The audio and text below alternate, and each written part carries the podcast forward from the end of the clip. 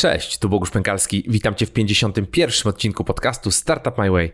Dziś moim gościem jest Przemek Skokowski. Przemek jest CEO i co-founderem platformy Dietli, czyli największego w Polsce marketplace'u dla cateringów dietetycznych. W naszej rozmowie mówimy o tym, jak to w ogóle się zaczęło u Przemka, jak wyglądały te pierwsze kroki z biznesem, skąd w ogóle pomysł na tego typu, tego typu biznes. E, co ważne, zanim powstał marketplace e, Dietli, powstał wcześniej CRM w takim typowo e, sasowym, abonamentowym modelu, właśnie też dla tej branży. Później ten element marketplace'owy został, został dorzucony i bardzo dużo zmienił w biznesie. Przemka. E, Przemek mówi o tych pierwszych latach, pierwszych ciężkich latach, ciężkich decyzjach. E, tak naprawdę e, przechodzimy tą drogę dosyć dokładnie. Pytam Przemka o to, jak zdobył tych pierwszych klientów, jak, jak ich namawiał do tego, żeby dołączyli do platformy. Rozmawiamy o tym, jak dzisiaj wygląda Dietli, ile, ilu jest pracowników, jak wyglądają przychody, e, pytam o różne, różne szczegóły, gdzie, gdzie, gdzie pojawiają się te pieniądze, e, jak to, e, jak to wygląda dzisiaj, jak wygląda ogólnie cały rynek tego cateringu dietetycznego w Polsce.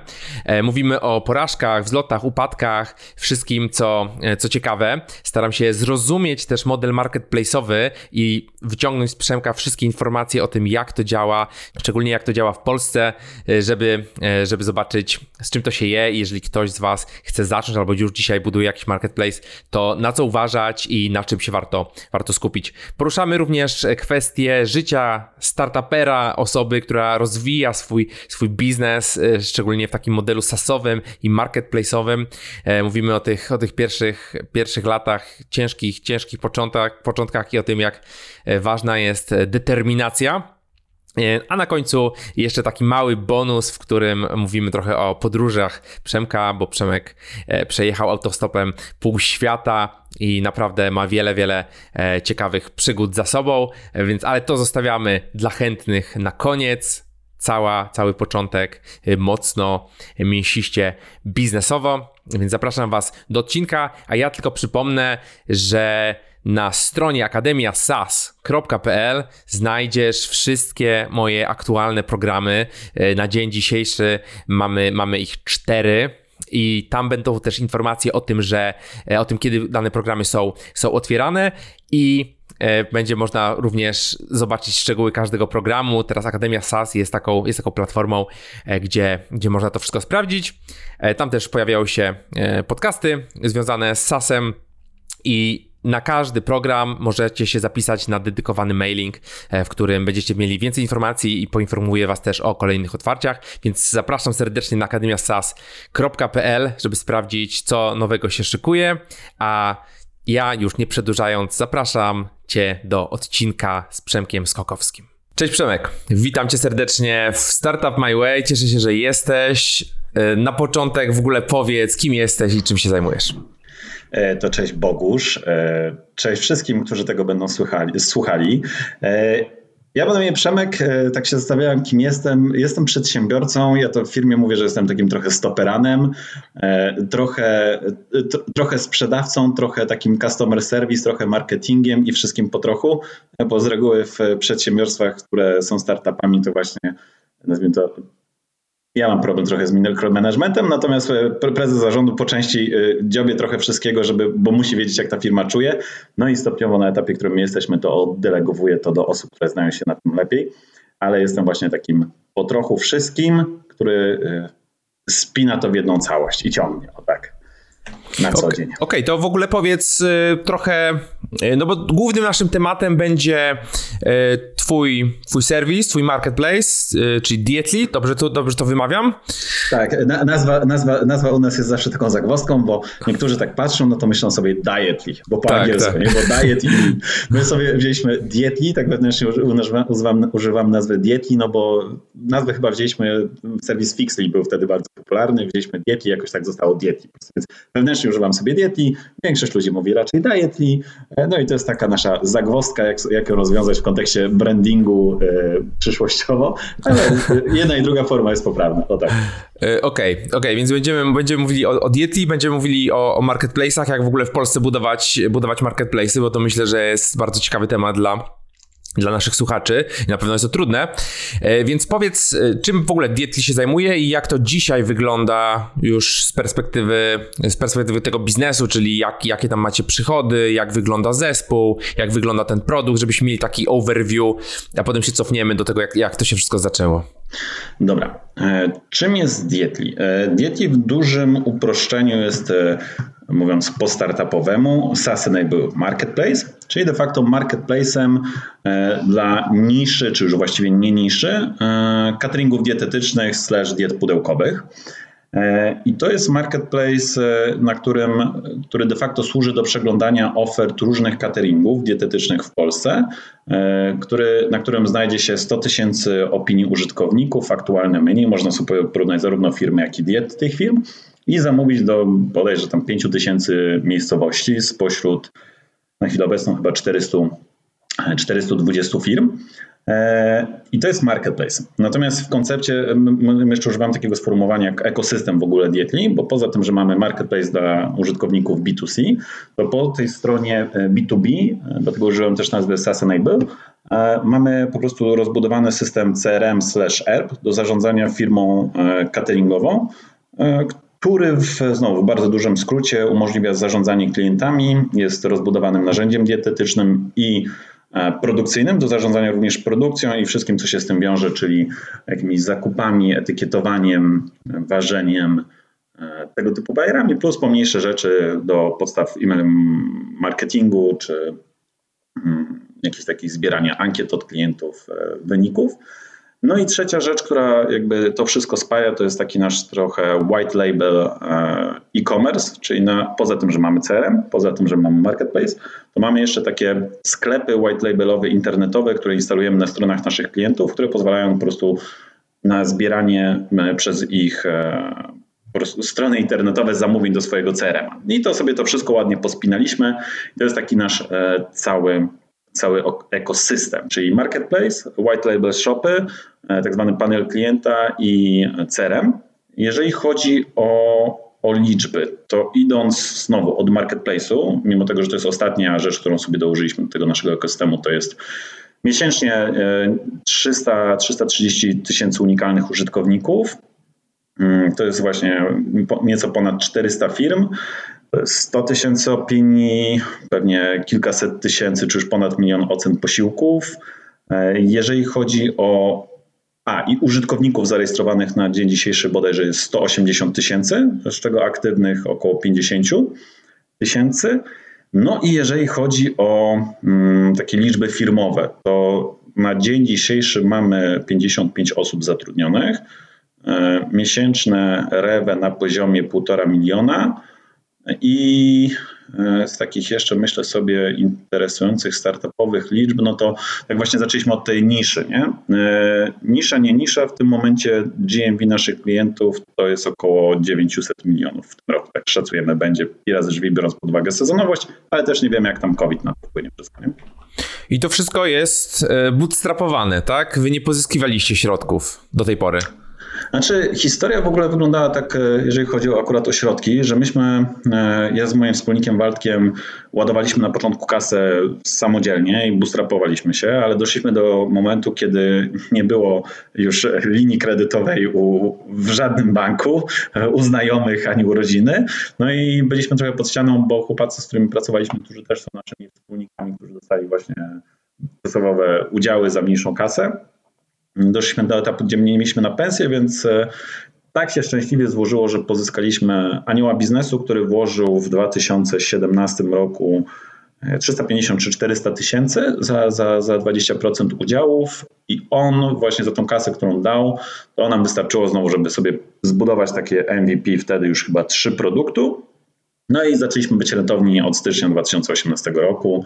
Oczywiście minus pensje dla założycieli, których sobie nie wypłacaliśmy, żeby to się spięło, nie? Ale tak poza tym, poza tym, poza tym aniołem biznesu to rzeczywiście y, i tą mikrorundą, czy tym, właściwie to nawet nie była runda, bo to gdzieś tam przez naszego klienta de facto zyskaliśmy tego, tego naszego anioła biznesu, Tadeusza. E, to żadnych form finansowań, biznes rentowny i, i, i samodzielny. No właśnie, na, na czym ten biznes zarabia? E, to znaczy, no bo marketplace standardowo zarabia na prowizjach, tak? Tak jest. I jeżeli chodzi o marketplace, znowu idąc od marketplace'u, my mamy bardzo prostą ofertę, w sumie komunikujemy to wszemi wobec zawsze dość transparentnie, że jesteśmy takim pysznym pelem dla cateringów dietetycznych, z tym, że jesteśmy tańsi i nie mamy skuterów. Czyli e, jeżeli z naszymi klientami, cateringami się komunikujemy w ten sposób, że słuchajcie, jeżeli ktoś przez naszą platformę złoży zamówienie w waszej firmie, to bierzemy 10% prowizji od wartości tego zamówienia. E, więc to jest jedno, tak? Czyli właśnie prowizja e, od marketplace'u. Od każdego zamówienia złożonego przez marketplace. E, I to jest jedno źródło przychodów. Drugie źródło przychodów to jest właśnie taki typowy abonamentowy SaaS, tylko że u nas ten SaaS jest powiązany z, z prowizją od zamówień przez sklepy white labelowe, czyli dajemy kombinację miesięczny abonament tam od 400 do, do 650 zł plus E, prowizja od e, płatności online, a prowizja od płatności online zależy oczywiście od obrotu, więc to też jest ruchome. I to jest takie drugie i trzecie nasze źródło przychodu.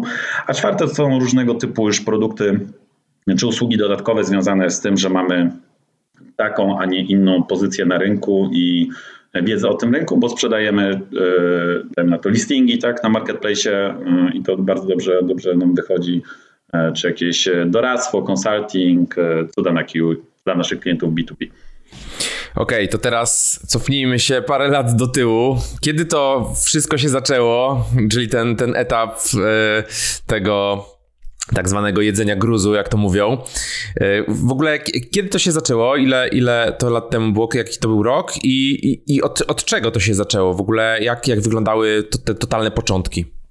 Totalne początki wyglądały w ten sposób, że w 2016 roku pracowałem w IBM-ie Robiłem bardzo fajne rzeczy w ramach partnerstwa IBM-a z Applem. Był taki wielki, wielkie partnerstwo promowane tu i ówdzie, że e, software miał lecieć od IBM-u, taki enterprise'owy, a design i aplikacje i iPady miały lecieć od Apple'a. No i robiliśmy w Polsce, Polska była pierwszym krajem, gdzie kilka tych aplikacji sprzedało się do Alior Banku dla właśnie klientów e, biznesowych e, czy tam private bankingu. No i ja odpowiadałem w, tak naprawdę w Polsce za dostarczenie tych aplikacji. Byłem takim PM-em slash leadem e, dostarczenia tego i koordynacji pracy zespołu zarówno Hindusów e, w garażu w Indiach, projektantów w Stanach i polskiego klienta tutaj na miejscu i też tutaj kilku programistów. No i pracując w Warszawie, pracując w IBM-ie, e, jako że jestem właśnie, tak jak rozmawialiśmy przed e, nagraniem, z Gdańska, w Warszawie mam tam znajomych, ale nie za dużo, chciałem się... To masz kolejnego, bo ja jestem z Warszawy, tutaj z Warszawy nadaję.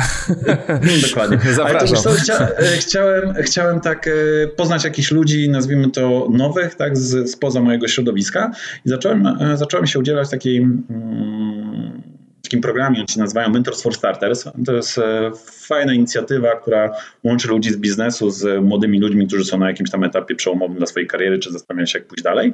Bardzo mądrzy ludzie to organizują, bardzo mądrzy ludzie tam e, się dostają i są po obu stronach. Ja tam odpowiadałem za rekrutację.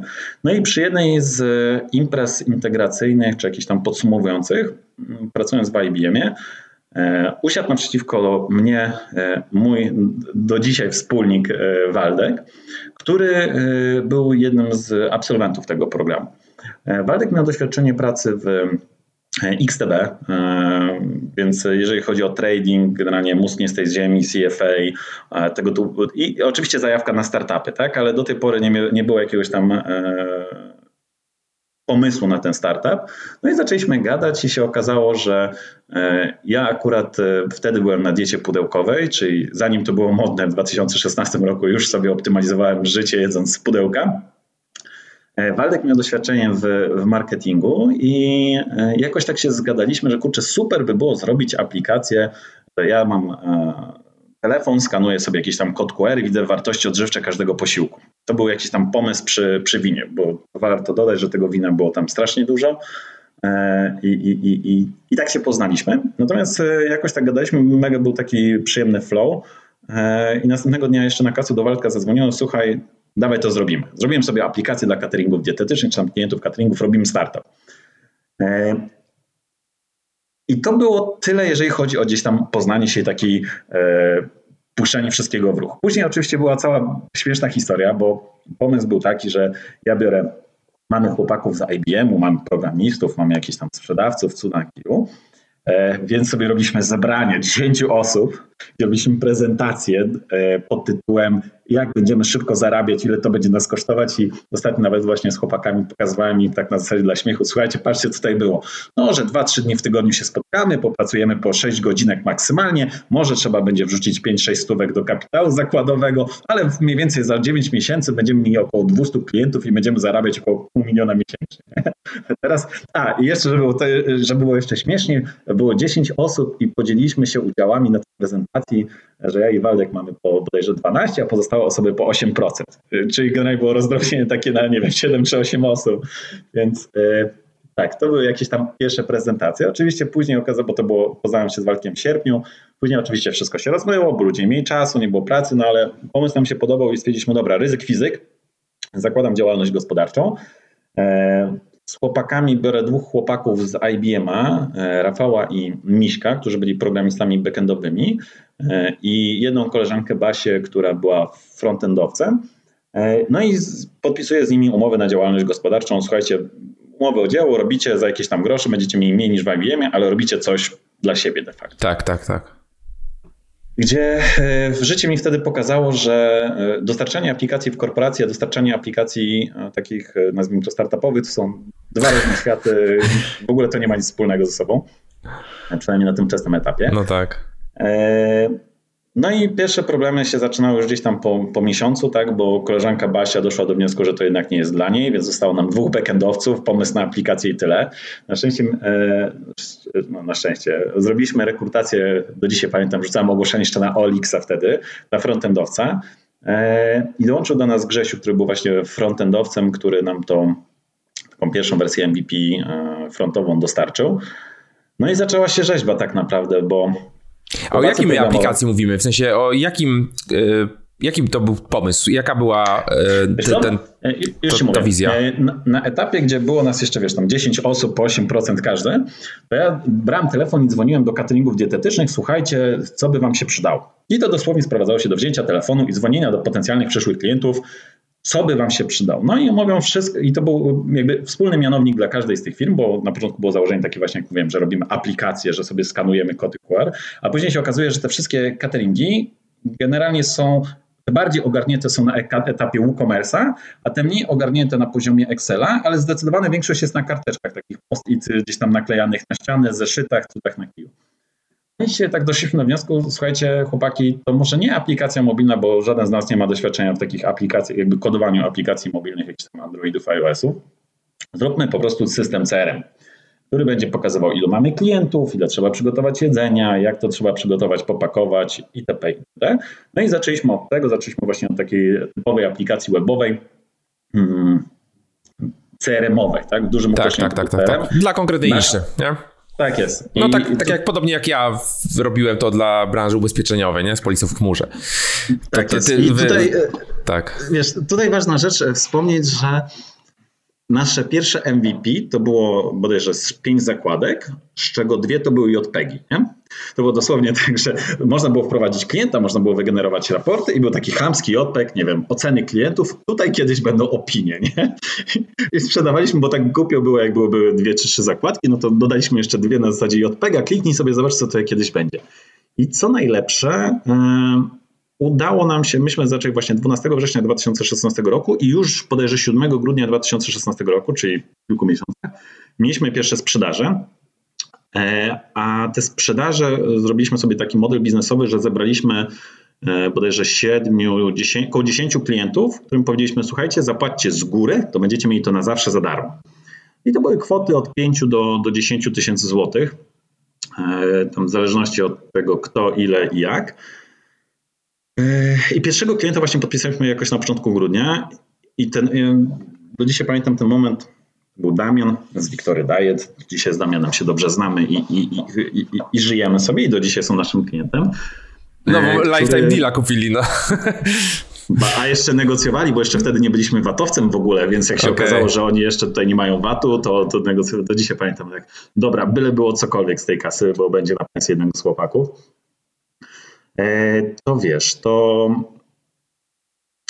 jak catering pierwszy, jak pierwszy klient się okazało, że wdrożył się i nagle ma tam, nie wiem, 90 klientów na dzisiaj i nagle to działa i on sobie coś generuje, to było tak, że wszystko ci podjechało do serca, bo w przypadku naszego CRM-a mm, dość istotne jest to, na ile jest to niezawodny system, nie wiesza się SL-a, tego typu rzeczy, bo jeżeli na przykład dajmy na to, jest sobota 6 rano, czy tam niedziela 6 rano i nie daj Boże system by się wywalił, czy coś w tym stylu, to stoi produkcja w kilkuset firm w całej Polsce, no jest generalnie masakra. Więc e, i, i to nie chodzi tylko i wyłącznie o początek dnia, tylko w tak naprawdę nasi klienci w ciągu całego dnia korzystają z tego systemu i jeżeli, to jest dajmy temat, że system wywala się, tak, to jest jeden, ale jeżeli coś się źle przelicza, albo coś źle się zapisuje, albo coś się nie zapisuje, no to jest po prostu afera na całego, bo to jest firma produkcyjna i tam nie ma zmił. Więc w momencie, kiedy wdrożyliśmy tego pierwszego klienta, no to już było takie, że wszystko podjechało, ok, teraz jest szansa, że jakaś firma się zawali i tam nie w kontekście musimy coś dowieść, żeby to działało, tylko jak coś, to wszystko jest na nas i będzie słabo, bo, bo yy, no, już tam nie chcę dawać czarnych scenariuszy, żeby nas pozwali, że coś im tam się nie, nie zadziałało, czy coś Tak, oczywiście, no, wie, wie, wiem, wiem jak to wygląda. Jak pierwszy klient zaczyna pracować produkcyjnie, nie? Tak jest, tak jest. Wiesz, to jest pierwszy klient produkcyjny, a później jak musiałeś robić podgrywki, aktualizacje tego typu rzeczy, to o panie, to, to stopniowo trzeba było każdego przerzucać. Tak, to chyba e, jest, Także... każdy, każdy founder y, ma, ma taki, taki okres, gdzie y, wiesz, budzi się w nocy albo 23 sprawdza ten telefon, coś nie działa, wiesz, budzi się, Boże, czy, czy wszystko, to, wszystko chodzi. To, to nawet nie trzeba sprawdzać, czy nie działa. Po prostu jak widzisz, że telefon dzwoni ci o bardzo niestandardowej porze, to znaczy, że na pewno coś nie działa, bo klienci już na tym wczesnym etapie mają numer bezpośrednio do ciebie i dzwonią. Tak, tak. E, Przemek nie działa. E, co nie działa? Zaraz sprawdzę, co nie działa. Chłopaki, czy coś nie działa? Tak, nie działa. E, wie pan co? Chyba serwer się zaciął. I, i, i, I, tego typu historie, więc z tymi, z tymi pierwszymi klientami, tych pierwszych klientów sobie podpisywaliśmy, natomiast prowadzało się to do tego, że oni płacili z góry za systemu historycznie i oni też nam dawali taki trochę feedback, tak, że tego brakuje, to musi być i to musi być koniecznie dowiezione na już, bo inaczej nie płacę, tak? E, no oczywiście, no dobra, to umówmy się, że jak to dowieziemy, to zaczniesz płacić. Historia za historią. E, ale dobra, żeśmy... dobra, poczekaj, e, no. jeszcze co, zatrzymajmy się na tym, na tym etapie, bo mamy tego klienta, który kupił tego lifetime deala za 10 tysięcy, mhm. przykładowo. Jak doszło do tego, do tego kontraktu? W sensie, jak Jaka była, jaka była droga od tego, że, że ten klient za, zapłacił? Od pierwszego kontaktu? Ty go znalazłeś? Nie wiem. Tak, co, to, i, jak to wyglądało? To... Bo to jest, wiesz, interesujące dla ludzi, wiesz, bo mówimy, tak, no tak, tak. okej, okay, przyszedł pierwszy klient, zapłacił 10 koła, no, no super, dobra, skąd ten klient przyszedł? Jak to, jak to wyglądało? Żeby w ogóle, y, ja nie miałem pojęcia o tym rynku, tak? Nie, nie wiedziałem, jak wygląda produkcja, nie wiedziałem, jak wyglądają takie CRM-y dla, dla tego typu y, tego typu No ale miałeś trochę ten problem, nie? To nie, nie było tak, że ty, bo ty korzystałeś z tych diet i widziałeś, że są tam jakieś, jakieś tak. wyzwania. Ale wyzwania po stronie klienta, który jest klientem tego cateringu, a wyzwania po stronie B2B, który ogarnia tą produkcję, plus mindset tych dwóch osób, klienta, który zamawia dietę pudełkową, a producenta, to są dwie różne rzeczy. I de facto przez pierwsze tak naprawdę dwa lata to się sprowadzało do tego, że siedziałem na słuchawce od godziny 7.30 do godziny 22.00 i dzwoniłem po wszystkich możliwych firmach i to nie, oczywiście to nie jest sprzedaż na jeden telefon, tylko to jest porozmawianie z panią, nie wiem, przysłowiową Basią, Basią, Basią Kasią, Grażyną, nie, nie, policzę, ile tam było tych telefonów. Pogadanie o tym, jak ona teraz funkcjonuje, to może się spotkamy na kawkę, to może porozmawiamy sobie o życiu, a tak jak w ogóle funkcjonuje. No i problemem tworzenia CRM jest, e, zwłaszcza CRM, który ma być założeniem dla wszystkich, jest to, że jeżeli w pewnym momencie się zgubimy i pójdziemy zbyt wąsko, tak, no to przestanie to wystarczyć pozostałym częścią rynku, a jeżeli będziemy chcieli sprostać wymagają pozostałej części rynku, no to trzeba przepisywać wszystko, bo na przykład założenia biznesowe były błędne i to był też gdzieś nasz błąd na początku. Natomiast to się sprowadza tylko i wyłącznie do sięgnięcia po słuchawkę i dzwonienia i gadania o tym, jak to wygląda, a później na przykład jak e, gdzieś tam dodawanie kolejnych feature'ów, no to po prostu jedzie się z komputerem, z jakimiś tam bardzo wysokopoziomowymi makietami, no niech pani sobie wyobrazi, że tutaj by pani sobie generowała, tu klikała, e, to zmieniała, czy to tak miałoby działać, tak, to tak ma działać. To, że znowu z doświadczenia, jak zweryfikujemy to z jednym klientem, to bankowo przynajmniej trzech innych powie, że zupełnie inaczej albo tak to nie powinno działać, no i e, to trzeba mieć czas, to trzeba mieć zawzięcie, trzeba gadać przez telefon, ile wlezie. E, no i u nas się do tego sprowadzało, że ja tak naprawdę przez pierwsze, e, przez pierwsze pół roku, czy nawet dłużej później, dzwoniłem po tych klientach, chłopacy siedzieli, kodowali i mieli ubaw, jak ja rozmawiałem ze wszystkimi, bo jak dzwonię, to potrafię i zagadać o rodzinę, i jak się czuję, i o wszystkich znajomych, i jak spędziła święta. Po drodze gdzieś tam wyciągnąć jakieś rzeczy związane z programem. Ale to jest mozolna, długa droga spisywania tych właśnie wymagań biznesowych w pewnym momencie, a biorąc pod uwagę, że my jeszcze tworzyliśmy produkt dla gastronomii, a gastronomia nie jest e, nazwijmy to branżą, która jest płynna w różnego typu, e, na przykład dość często spotykamy się z pytaniem, czym jest Chrome albo czym jest przeglądarka, tak? No to trzeba sobie robić z, tego typu wyzwaniami dość często w bardzo prosty sposób opisywać to, co chcielibyśmy zrobić dla tego klienta docelowego. Więc od tego zaczynaliśmy. Spis, dzwoniliśmy telefonicznie, spisywaliśmy sobie wymagania, pokazywaliśmy im makiety, jeździliśmy na spotkania, e, do znudzenia, a jeżeli dodamy sobie do tego wszystkiego, że to trzeba, ja jeszcze godziłem to przez pierwsze pół roku z pracą w IBM-ie, no to była robota 2-4 na 7, tak? E, I to było męczące, ale to gdzieś tam powiedzmy w długim terminie opłaciło się, tak? Wyszło na, na, na plus suma summarum. E, I myślę, co jeszcze z takich, no wczesna sprzedaż, dzwonienia, e, chłopacy programowanie, Później, bo to też ważna rzecz, że jak się sprzeda ten system temu Damianowi, czy tej, nie wiem, Alicji, czy komukolwiek, to ty przestajesz być tylko i wyłącznie sprzedawcą, który dzwoni dalej, tylko też się stajesz de facto obsługą klienta i onboardingiem i szkoleniowcem, jeżeli nie masz e, kasy, żeby zatrudnić ludzi, którzy będą to robić. Więc w pewnym momencie, co z tego, że ja potrafiłem wykonać, dajmy na to, nie wiem, 30 telefonów dziennie, jak tym klientom, którym sprzedałem, załóżmy tam 10, oni potrafili wykonać do mnie przynajmniej 5 telefonów, 5 nie, ale przynajmniej jeden telefon dziennie, żeby się dowiedzieć, jak coś tam działa, albo co oni chcieliby wprowadzić, albo co im nie działa. I, i stopniowo gdzieś tam mm, to były ograniczenia, więc jak jakby zebraliśmy nasze finansowanie od pana e, Tadeusza Alstera, no to jedną z pierwszych osób, którą zatrudniliśmy, to była rzeczywiście obsługa klienta. Mm. No i tyle. Po drodze masa wyzwań związanych z MVP1, MVP2, zmianą koncepcji gdzieś tam biznesowych, czy właściwie nie koncepcji biznesowych, tylko założeń po prostu projektowych e, aplikacji. E, gdybyśmy mieli to oczywiście robić drugi raz, to pewnie byłbym 10 razy mądrzejszy, bo popełniliśmy chyba wszystkie możliwe błędy, które się bierze przy, przy projektowaniu aplikacji mobilnej. Proszę od złego wyboru technologii w pierwszym MVP, poprzez kompletny brak makiet pokazywania klientom, tylko właśnie taki bardzo wysoki poziomowo, poprzez nam się wydaje lepiej niż klientom. A y, czy już, wtedy, czy już wtedy był, był ten, ten marketplace? Czy nie. Ten marketplace, jest... czy był CRM, tak? Czy CRM tak, plus jakieś automatyzacje pewnie? Myśmy zaczęli w ogóle tylko i wyłącznie od CRM, takiego typowego SaaSa. E, wtedy na rynku było w 2016 około 150 firm mniej więcej. E, była jedna porównarka, taki katalog e, cateringów dietetycznych, natomiast nie było żadnego CRM. No i myśmy doszli do wniosku, dobra, zrobimy CRM, bo w tym się czujemy mocno.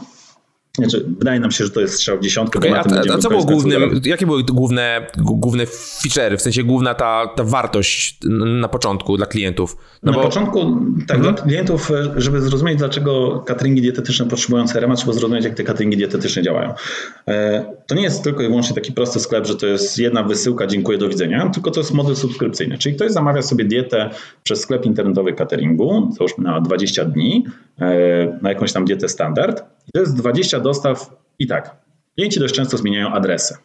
Klienci dość często mają, e, chcą zmieniać sobie na wyższe, niższe kaloryczności czy zmiany diety. Klienci na przykład w piątek wyjeżdżają gdzieś tam, więc sobie odwołują dietę albo przekładają na inny diet.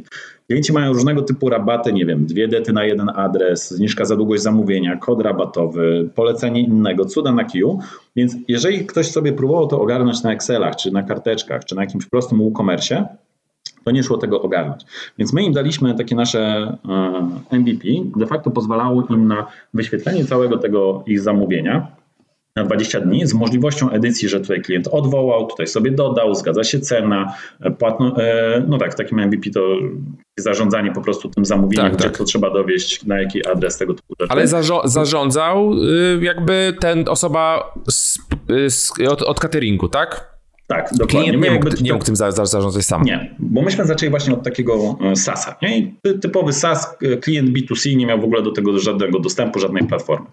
No i w, stopniowo dodawaliśmy kolejne funkcjonalności właśnie związane z produkcją, związaną z dietetyką. No i nasi klienci zaczęli nas, jak zaczęło być ich więcej, słuchajcie, mamy dość przeklepywania zamówień z naszej strony internetowej, bo oni w większości mieli jakieś tam proste właśnie e-commerce, czy, czy w ogóle nie mieli jakichś tam sklepów e-commerce'owych i powiedzieli, fajnie było, gdybyście zrobili nam wtyczkę na stronę internetową, gdzie jak klient złoży zamówień, to nam to wpadnie bezpośrednio do CRM. I to był drugi krok. I myśmy dopiero tą wtyczkę zrobili w 2017, w drugiej połowie 2017 roku, czyli de facto rok po zaczęciu. Mm, I sprowadziło się do tego, że ktoś mógł sobie wybrać konkretny plan, konkretną subskrypcję, konkretne dni, konkretne diety. To mu wpadało do CRM-a, mógł sobie to opłacić online. Catering miał odfajkowane też wtedy płatności. E, I to było w 2017 roku, a później stopniowo klienci zaczęli nas mówić, że słuchajcie, fajnie, że ten klient może sobie założyć zamówienie, ale byłoby super, gdybyśmy nie musieli od, od niego odbierać SMS-ów, maili, że proszę o odwołanie diety, proszę o zmianę adresu, proszę o dostawę do godziny 6, proszę o aktualizację kodu do klatki, proszę o coś tam, czy proszę domówić kolejną dietę, to żeby on sobie sam to robił. Więc jak mieliśmy te sklepy internetowe, to dorzuciliśmy im jeszcze tak zwany e, panel klienta, i oni samodzielnie mogą sobie właśnie z, w tym naszym MVP panelu klienta zmieniać adresy, zmieniać dostawy dostaw, oceniać, które posiłki im smakują, które nie, a to, w którym kierunku idzie rynek, no jakby czy funkcjonalnie, bo to też w pewnym momencie jest wyzwanie, tak? Dodawać feature'y do CRM-a i dodawać feature'y do panelu klienta, które są ze sobą powiązane, czyli taki bardzo popularny w tym momencie na rynku model wymiany posiłków czy wyboru menu. Także klient może sam sobie decydować, co chce jeść, zamieniać to, a żeby to miało sens, to na produkcji w tym CRM-ie też to musi się spinać to muszą być konkretne funkcjonalności, są mega rozbudowane i wpływają na masę różnych zależności, które pozwolą klientowi to zrobić. Więc zaczęliśmy stopniowo dodawać kolejne funkcjonalności wymagane przez klientów B2C, w ogóle przez ewolucję rynku, jednocześnie rozbudowując CRM-a. No a w momencie, kiedy mieliśmy white labelowe sklepy, bo ważna rzecz u nas white labelowe sklepy są na domenie cateringu jako systemy e-commerce, natomiast ten tak zwany panel klienta jest już na naszej domenie marketplace'owej, no to doszliśmy do wniosku, kurde, mamy panel klienta, mamy white labely, mamy CRM, zróbmy marketplace, który będzie zaciągał wszystkie dane po prostu w jedno miejsce, czyli będziemy widzieć, który catering ma jakie menu, jakie ma oceny, tylko i wyłącznie zweryfikowane, e, jakie ma promocje, zniżki, diety, zdjęcia, e, recenzje, opinii klientów, wszystko, tak?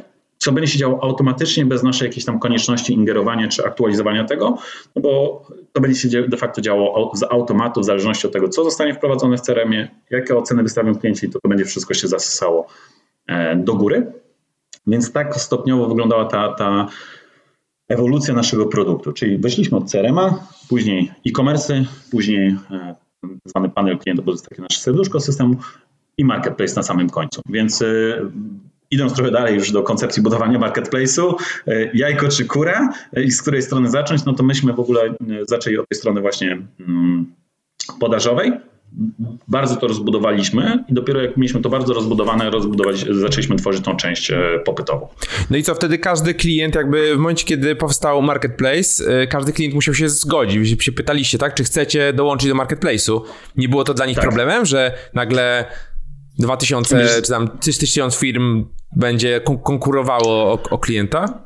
Znaczy, wiesz co, to zawsze się sprowadza do tego, że e, do tej pory jakby my jesteśmy dużo lepsi w marketingu niż 99% firm e, cateringowych, tak? bo mamy odpowiednich ludzi, znamy się na internetach, tego rzeczy, a większość naszych klientów to są ludzie, którzy są świetni w gotowaniu, w prowadzeniu biznesów produkcyjnych, ale na przykład marketing dość często leży bo nie mają czasu, bo się przejechali na agencjach marketingowych, bo zrobią tylko promuj post na Facebooku, dziękuję, tyle, tak? E, a my de facto w tym momencie postrzegamy nasz marketplace jako taką ogólną platformę mm, też do popularyzacji cateringu dietetycznego, że jeżeli ktoś myśli zamówi sobie catering, to nie myśli o konkretnej firmie, tylko chodzi na dietli i dietli sugerują mu najlepszy catering według jego gdzieś tam predyspozycji czy lokalizacji, w której jest.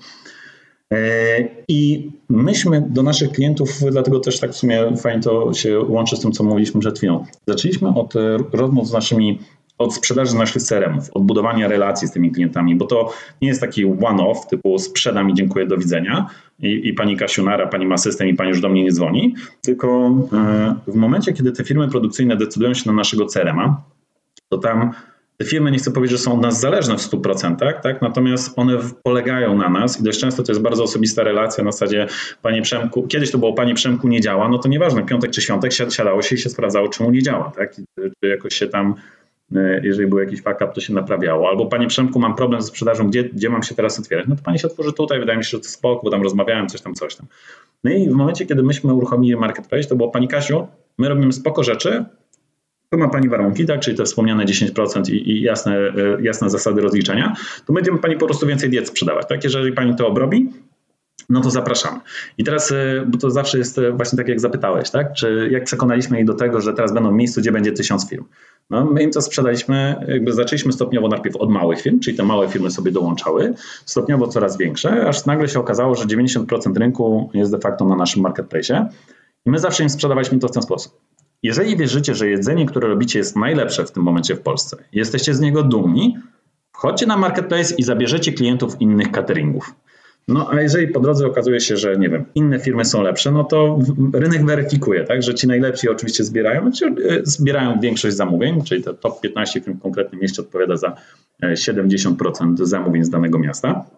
No ale my wtedy ich mobilizujemy, słuchajcie, jeżeli będziecie, bo u nas e, jakby średnia czy pozycja w rankingu jest zależna od bardzo wielu, tam chyba 12 różnych zmiennych, natomiast te 12 zmiennych jest, nazwijmy to, proklienckich, tak? czyli oceniamy, jaka średnia zamówień z ostatnich tam 60 dni jest danej firmy, jaka jest średnia ocen posiłków, czy ma program lojalnościowy, czy ma wymianę posiłków, tego typu rzeczy, więc te firmy, które są u góry, de facto są prawdopodobnie najlepsze dla konkretnego klienta w konkretnym mieście, szukającego konkretnej diety, E, no jeżeli jakiś catering chce mieć więcej klientów, to nie, że on nam zapłaci i będzie miał więcej klientów, tylko on musi przez dwa miesiące dbać o jakość swojej obsługi klienta, e, jakość swojego jedzenia e, i jakość w ogóle całego takiego doświadczenia użytkownika, żeby być tej top powiedzmy 15 w danym mieście.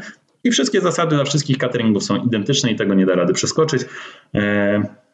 Zwłaszcza jeżeli się próbuje to przeskoczyć, no to nagle się radzi, że kurde, nie da rady tego ominąć, tego nazwijmy to naszego systemu e, algorytmowania wszystkich cateringów na, na listingach. Nie? Jasne, jasne. Okej, okay, ale ten biznes CRM-owy jakby dalej działa, nie? To jest jeden... Tak, tak. jak, wygląda, właśnie... jak wygląda pricing? W sensie ktoś wchodzi... Y, w tym momencie, jak klienci przychodzą, to oni przychodzą, bo widzą, że jest marketplace, chcą dołączyć do marketplace'u i wy jakby dosprzedajecie im CRM-a, czy przychodzą Różnie. do CRM-a?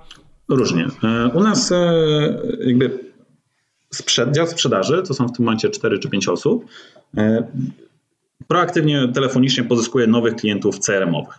Ale nowych klientów CRM-owych właściwie nawet nie powiedziałbym, że on ich pozyskuje, tylko oni dzwonią. No widzimy tutaj Państwo otworzyli catering, bo miesięcznie powstaje około 40 nowych firm e, cateringu zajmujących się cateringiem dietetycznym. To jest taka średnia z ostatniego pół roku. E, widzimy, założycie w catering, jesteśmy najlepsi na rynku, tak? Jeżeli macie pytania, to możemy tutaj sobie pogadać, a tak w ogóle to chcecie już terema, a macie 30 zamówień, to wam się nie opłaca, ale tu tam podeślemy jakiś tam raporcik, jakieś porady, chcecie sobie pogadać o życiu, to pogadacie z nami, a tak w ogóle to może chcielibyście mieć więcej diet, zakładając, że to jest mała firma, to mamy marketplace, gdzie są takie i takie rozliczenia i po prostu zbudujecie swoją pozycję na rynku w danym mieście, zobaczycie sobie ofertę, więc robimy w zależności od sytuacji, nasza sprzedaż albo sprzedaje CRM-a, tak? Jeżeli to jest firma, załóżmy jakaś tam większa i potrzebuje już jakiejś tam automatyzacji procesów, czy w ogóle procesów do zarządzania firmą, czy jeżeli to jest i wtedy wchodzi CRM, a później ewentualnie marketplace, albo zaczynamy od drugiej strony, czyli są za mali na CRM, a to im sprzedajemy marketplace, a później stopniowo robimy upselling po prostu e, naszego CRM-a. I jest to bardzo e, gdzieś tam u nas e, oprocesowane, w jaki sposób to w miarę, w miarę płynnie zrobić. Natomiast klienci, jak się do nas zgłaszają samodzielnie, to z reguły zgłaszają się dlatego, że chcą być na marketplace, bo nagle się okazuje, że oni widzą wszędzie reklamy, wszędzie nasze reklamy, że wszystkie, że jak znajomi do nich mówią, że gdzie zamawiają catering, no to oni sobie zamawiają na dietli. No i to, co działa rewelacyjnie, jak sprawdzają sobie konkurencję, to sprawdzają ją na, na bo widzą dokładnie kto, jakie ma, nie wiem, opinie, jakie ma menu, jakie ma problemy, bolączki, bo rzeczywiście ci klienci gdzieś tam w tych komentarzach wszystko sobie e, wykładają kawę na ławę. Okej, okej, okej. No dobra, y, to mamy, mamy, tych, mamy tą jedną stronę naszego marketplace'u, czyli dostawców. Y, to skąd wzięliście tych, te, te, setki tysięcy ludzi, którzy przewijają się przez Dietli i klikają w te cateringi? Jak, jak to się wydarzyło? jak spiąć to, e. wiesz, jajko skórą? To jest po pierwsze czas. E, po drugie to jest e, sporo pewnie szczęścia, bo myśmy na rynku pojawili się w 2016 roku, wtedy było 150 właśnie, i raz drzwi 150 firm. W tym momencie, czyli po czterech, prawie pięciu latach, tych firm jest ponad 850, więc ten rynek się po prostu przez ostatnie, ostatnie 4,5 roku kilkukrotnie powiększył, a my byliśmy na tym rynku od samego początku. I momencie, myśmy Marketplace, z firma CRM, w ogóle produkcję, jakby system CRM zaczęliśmy sprzedawać e, w grudniu 2016 roku. Marketplace jako taki wystartował w sierpniu 2019, czyli po trzech latach, no dwóch i pół roku.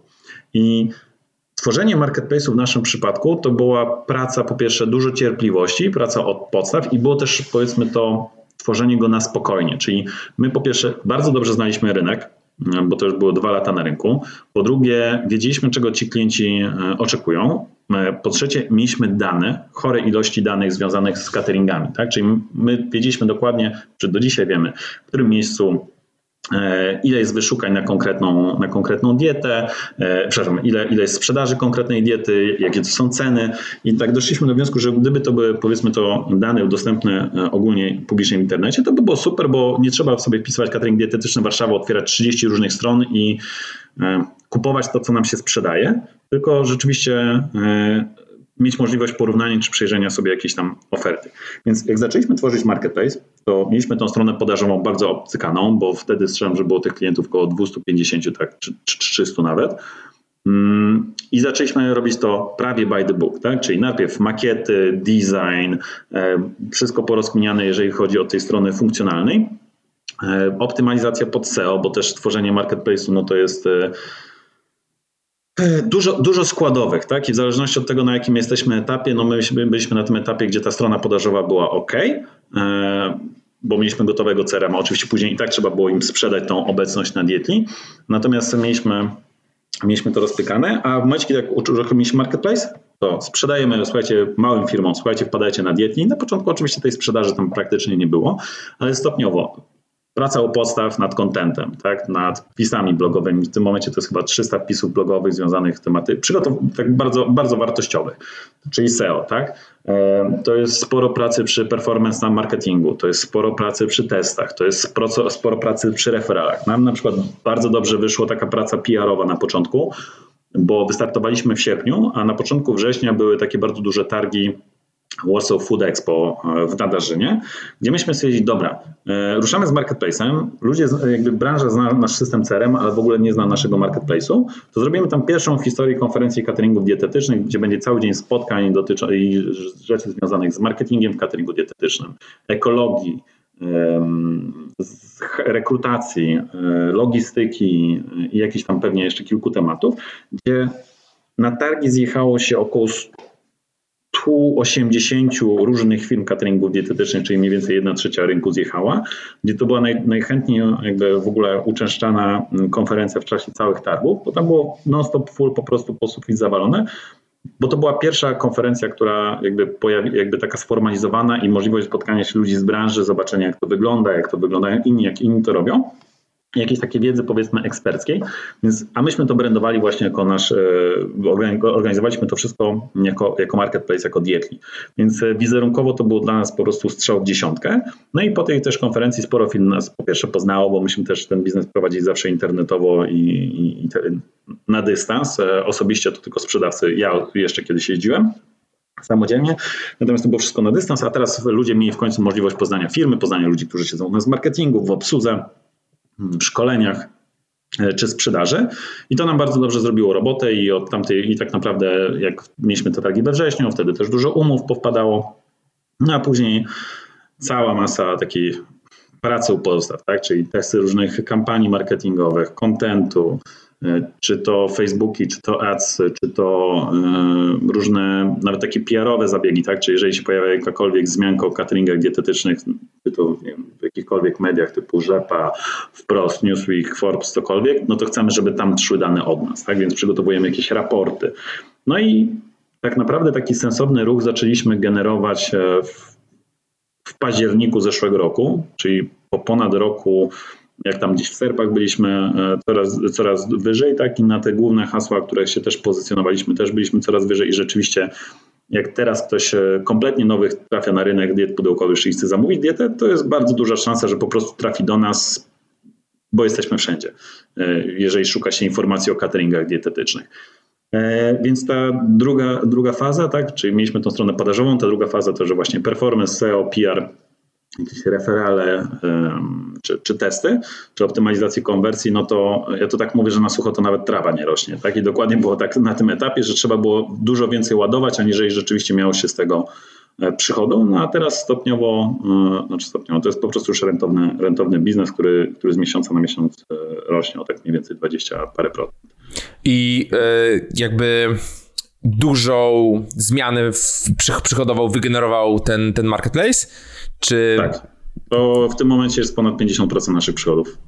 Okej, okay, czyli Więc... dużo, dużo pracy, ale, ale to faktycznie się, się dołożenie tej nogi B2C e, do, do klasycznego, no bo tak jak mówisz, no jest 800 cateringów w Polsce, no to okej, okay, no możecie obsłużyć nie wiem, 50% czy 60% tego rynku to jest tak mega, mega dużo, e, ale no jest bardzo limitowany, nie? Ale znaczy, ta, ta... powiem Ci tak, my, na, na, rynku jest teraz 850 firm, my CRM-owo, jakby nasz system CRM obsługuje mniej więcej 60% firm na rynku, tam ponad no. 400 właśnie. To jest ogromna e, ilość.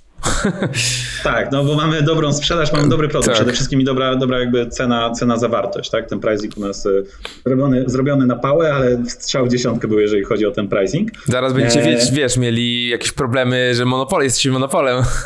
E, tak, i, i czekać na wizytę Łokiku, nie? Natomiast nie jesteśmy monopolem, bo też dobry przykład, tak? Konkurencja. E, Pojawiały się tam e, historycznie, na przykład my nie byliśmy pierwszą, pierwszą e, porównywarką cateringów, e, był wcześniej jeszcze jeden serwis. Natomiast to, co jest jego problemem do dzisiaj, to, że on jest katalogiem. Czyli tam, jeżeli się jakąś firmę dodaje, no to oni muszą dodać tą firmę ręcznie, tam nie ma live data, tak? U nas, jeżeli catering doda jakąś promocję, czy zmieni jakieś menu, czy wszystko, to u nas z automatu to leci po prostu zaciągane, tak? A, a, I to jest mega wartość dla, dla klientów i też zupełnie no-brainer dla nas, jeżeli chodzi o jakąś tam robotę, a dla jakiejkolwiek innej firmy czy marketplace'u, która się pojawia na rynku, no to jest po prostu ręczna dłubanina, bo nie mają tego właśnie elementu sasowego, tak, który z tyłu gdzieś tam y, de facto też gdzieś tam pompuje ten nasz marketplace, jeżeli chodzi o, o dane. Mm, I też to nie zawsze jest kwestia kasy, bo była jeszcze jedna jakaś tam konkurencja, pojawiła się na, na, na porównywarki, która była finansowana z, z funduszy alfowych. No i fajnie, że władowali tony pieniędzy w performance marketing, no ale jeżeli był czy to design słaby, czy tam w ogóle nie było wartości dodanej, użytkownik wchodził, gubił się, czy rzeczy, które były na tym marketplace były nieaktualne, no to tylko my tak patrzyliśmy i płakaliśmy, jakie to są ilości pieniędzy wydawane. Hmm, no właśnie. A u nas to było gdzieś tam, tak jak CRM, a zrobiliśmy zupełnie niepoprawnie popełniliśmy chyba wszystkie możliwe błędy. Tak rzeczywiście przy Marketplace zrobiliśmy to już prawidłnie. Też musieliśmy zrobić koniec końców MVP 2, czyli taki kompletny redesign, bo, bo, bo stary, stary, stary design był zrobiony, tak nazwijmy to, po taniości. Znaczy może nie po taniości, przez frontendowce, dopiero później zatrudniliśmy e, designerów, którzy zrobili nową, nową wersję. Ale tak, żeby zweryfikować, czy to będzie gryzą, to rzeczywiście w zupełności wystarczyło. No i to, co robimy teraz, to właśnie Waldek, który u nas jest odpowiedzialny za produkt, no to cała masa analityki, narzędzi typu Amplitude, typu Mix Panel, typu testy AB, typu Power BI, cuda na Q, żeby zwiększyć właśnie e, konwersję czy, czy efektywność tego marketplace'u, no to u nas jest to on daily basis, tak to bym nazwał. Więc ta faza druga gdzieś z tym skalowaniem takiego marketplace'u to jest coś, co w tym momencie nam wychodzi e, i to całkiem nieźle. Oczywiście zawsze będziemy sobie to optymalizować, dodawać kolejne feature'y, bo tak przechodząc do marketplace'u, no to mamy tutaj wtedy już trzecią fazę, no tak jak do czego zmierzałeś. Jest 800 firm i, i pytanie, czy to ma szansę jeszcze jakoś tam urosnąć, nie? No i to jest nasze e, odwieczne pytanie, czy ten rynek będzie rosnął. My strzelamy, że jeżeli się uda ogarnąć plastik, tak, i to będą na przykład papierowe pudełka, bo to jest coraz bardziej mm, popularne, czy jakieś tam to będzie rosło, no bo ludzie y, coraz bardziej cenią sobie wygodę i na przykład też y, to była taka bardzo duża transakcja na rynku cateringu dietetycznym, gdzie żabka przejęła Maczwita gdzie było podkreślane we wszystkich komunikatach, że to jest tak zwany convenience, czyli ludzie nie zamawiają cateringu po to, że chcą schudnąć, tylko dlatego, że jest im wygodnie, bo nie robią zakupów, nie, e, nie planują ich, nie muszą gotować, nie muszą sprzątać, nie muszą przygotowywać. E, ja jestem na przykład, ja jestem przykładem takiej osoby, tak? Ja zamawiam catering nie dlatego, że chcę schudnąć, co mi nigdy nie wychodzi, tylko dlatego, że to jest po prostu wygodne, bo sobie zjem, nie myślę, a jestem pracocholikiem, który jeszcze zje przy biurku i zjem wszystko, to jest akurat złe, tak? Ale są tak, y, to jest z reguły też dobre jedzenie, oczywiście też zależy od firmy, ale że to w tym kierunku będzie szło, że ludzie będą chcieli sobie zamówić e, jedzenie, czy to pięć posiłków, tak? W przypadku takiego odchudzania, czy to zestawy trzy posiłkowe, czy dwuposiłkowe, które będą mogli po prostu, tak jak mieliśmy jeszcze rok temu bardzo popularnego pana kanapkę, czyli chodził, braliśmy sobie dwa posiłki, zjedliśmy, to żeby to jedzenie, które jemy, było dostarczane przez firmy działające w koncepcie cateringu dietetycznego. Oczywiście musi być e, zrobione by the book e, i tanie, i zdrowe, i smaczne. E, I to w tym kierunku będzie szło, tak? A jeżeli jeszcze będziemy mieli możliwość sobie modyfikowania z dość krótkim wyprzedzeniem jakie dania chcemy, wymieniać je, to ten rynek prawdopodobnie urośnie jeszcze kilkukrotnie. My strzelamy, że w perspektywie powiedzmy trzech lat pewnie dwukrotnie jak Pirat drzwi, jeżeli chodzi o, o liczbę firm, jeżeli chodzi o GMV, to prawdopodobnie trzykrotnie. No i mamy cichą nadzieję, że będziemy uczestniczyć w tych wzrostach. E, ale jak to będzie, no to dużo zależy oczywiście od od wszystkiego, od, od epidemii, od... Tak, no. no właśnie, bo tutaj wiesz, no tak jak, jak o tym myślę, to macie, macie dużo, e, dużo perspektywę rozwoju na bardzo podobne usługi, tylko troszeczkę, troszeczkę w innej formie. E, na przykład, wiesz, no za granicą, za granicą, gdzieś tam w Stanach popularne jest e, dowożenie posiłków w formie e, po prostu przygotowanych składników, odmierzonych, nie? Że nie masz go, gotowego, tylko masz wszystko i tylko 15 minut instrukcja, że 10 minut i, i wiesz, i robisz to sami. To odpada problem z tych, tych wszystkich pudełek, tego. Tak. Ty... Tylko, że to, to, to, to, jest tak zwany Blue Apron. Ta firma nazywa się w Stanach. Są jeszcze popularne na przykład Hello Fresh, e, czy e, no tak, Hello Fresh jest taki najpopularniejszy. Natomiast tutaj jest jakby kilka rzeczy, bo tutaj de facto przechodzimy do trzeciego etapu tego takiego budowania marketplace, tak? Czyli mamy te kurka, czy, kura czy jajo, mamy skalowanie i no i co dalej, tak? W momencie, kiedy gdzieś tam to skalowanie sobie rośnie, jest tam powiedzmy wzrost organiczny, to e, mamy taką fazę mm, skalowania wertykalnego, horyzontalnego, takiego trochę przepoczwarzania się tak, w dodatkowe usługi. Czyli jesteśmy marketplacem, gdzie można kupić dietę i naszą nazwijmy to misją jest, naszą misją jako firmy, którą sobie gdzieś tam komunikujemy, komunikujemy wewnętrznie, to żeby za parę lat być takim asystentem żywieniowym ogólnym. Czyli jeżeli chcemy sobie zamówić dietę, to zamówimy sobie dietę konkretną, tak? a właściwie nawet nie dietę, tylko posiłki. Albo inaczej, jeżeli chcę dietę, to zamówię sobie dietę. Jeżeli chcę posiłki, to zamówię sobie konkretne posiłki. W idealnym scenariuszu, tak, e, bo ten Blade to się zawsze przewija gdzieś tam w rozmowach o, o, dietach pudełkowych, bo on był mega, mega, mega hype na niego parę lat temu. Tylko w Polsce to jest na przykład problem, mm, nazwijmy to sanepidowski, bo nie można, jak na przykład ktoś zamawia sobie zakupy z Tesco czy nie wiem, Carrefoura, to zobaczy, że mięso, nabiał, warzywa e, czy, czy produkty suche nie mogą być transportowane razem.